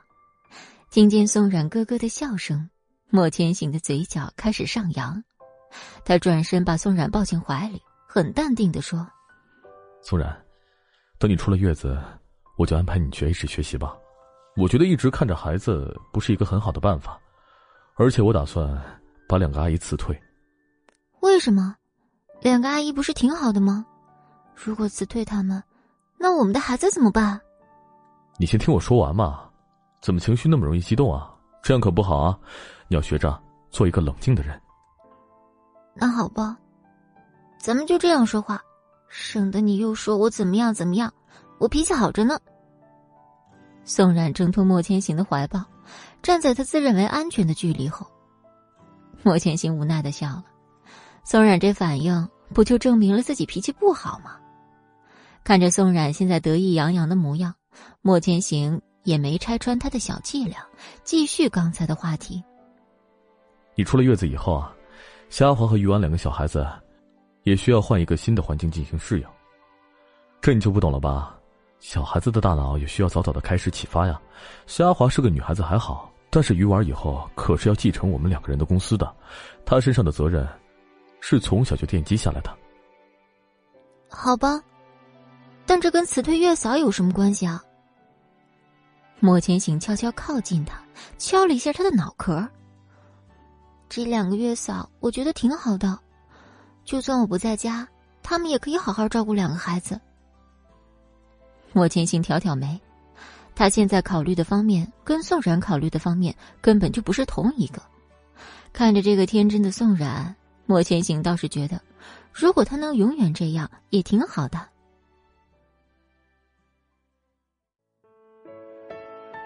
几，你倒是说话呀！我真觉得不用辞退他们两个，真的。当然是我想找跟咱们年龄差不多大的人来看看小孩子了，这样在我们忙的时候，小孩子也不会认为我们疏远了他们。同代的人比较好交流。刚才虾华哭的时候啊，我是很生气的。你是心疼虾华了？没想到你这个做爸爸的心肠还真是软。小孩子哭是再正常不过的事儿了，只不过我这个新手妈妈不放心罢了。我生气是因为我吃醋了，明明我和你一起进的屋子。可是你听见小孩子哭就扔下我上楼了，这跟我对孩子心肠软不软完全是两码事啊！宋冉眨眨他无知的大眼睛，心里面很是不敢置信自己刚才听到了什么。莫千行再次把宋冉揽到怀里，保持距离什么的就算了，有些话，我觉得还是贴近了说比较好。这个家，你是我永远放在第一位的，两个孩子才占第二位而已。听到这种类型的话，我想没有哪个女人可以抵挡得住吧。宋然感觉自己心都要化了。外面传来敲门声，莫千行回复自己平时冷漠的模样。什么事？呃，莫总夫人，王妈在厨房忙，所以我来告诉你们一声，可以下楼吃饭了。好，我知道了。莫千行说完，听到外面的脚步声离开。等宋然反应过来时，他已经完全离开了莫千行怀里。他挥舞着小拳头，表情很傲娇。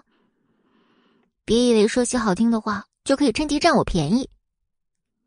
莫千行若有所思的点头，然后直接松开他的手。你还真松手啊！我不管，我现在生气了。哦，不是你说不让我趁机占你便宜的吗？难道说你想让我占你便宜啊？我真生气了，哄不好的那种。看着宋冉气鼓鼓的小脸，莫千行一把把他拉进自己怀里。好了，我生气是因为我吃醋，你这个生气完全是在跟我撒娇。我表示我愿意跟你道歉。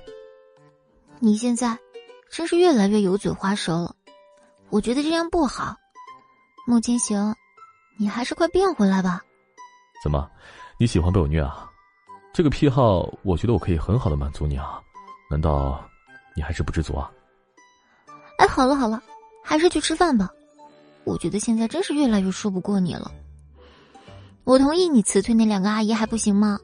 既然你诚心诚意，那么我就欣然接受喽。面对不要脸的莫千行，宋冉选择装作看不见。宋冉的肚子开始抗议，于是他再次走到前面，准备下楼。这个时候。莫千行加快了自己的步伐，赶上宋冉。他默默牵住宋冉的手，莫千行才开始配合宋冉的脚步下楼。美国，论喝酒的话，强子应该可以灌醉好几个林雨柔。只不过现在情况特殊，强子并不知道林雨柔到底想干什么。于是，强子便开始装作自己晕晕的样子。林小姐，我不太会喝酒，你也别喝了。咱们多吃烤肉。别啊！你身为一个大男人，怎么能不会喝酒呢？就这样，强子被林雨柔监督着，连喝了好几杯。林雨柔一会儿大笑，一会儿唱歌。喝呀，快喝！林雨柔的语速越来越快，自己也是没闲着喝酒。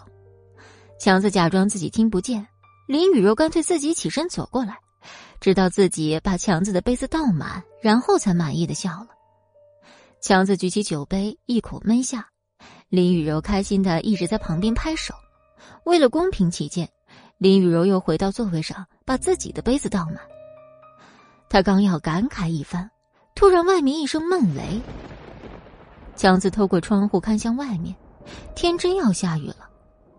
桌子先是晃了下，强子赶紧回神儿。紧接着，林雨柔便第一时间躲到了桌下。林雨柔这钻桌子的操作，强子平生第一次见。打打雷了，完蛋了，完蛋了！林朗成，你怎么还没回家呀？强子听到林朗成的名字，好像有点明白林雨柔为什么回来后就奇奇怪怪。雷就打了一声。但林雨柔一直缩在桌子底下，没有要出来的意思。原来女孩子都害怕打雷啊！你是我见过的第二个害怕打雷的女孩子。强子说完，就默默的把酒杯再次倒满。喝完后，他看向窗外，雨淅淅沥沥的开始下。强子忍不住想给李玉楚打个电话。这个时候的李玉楚又是怎样度过的呢？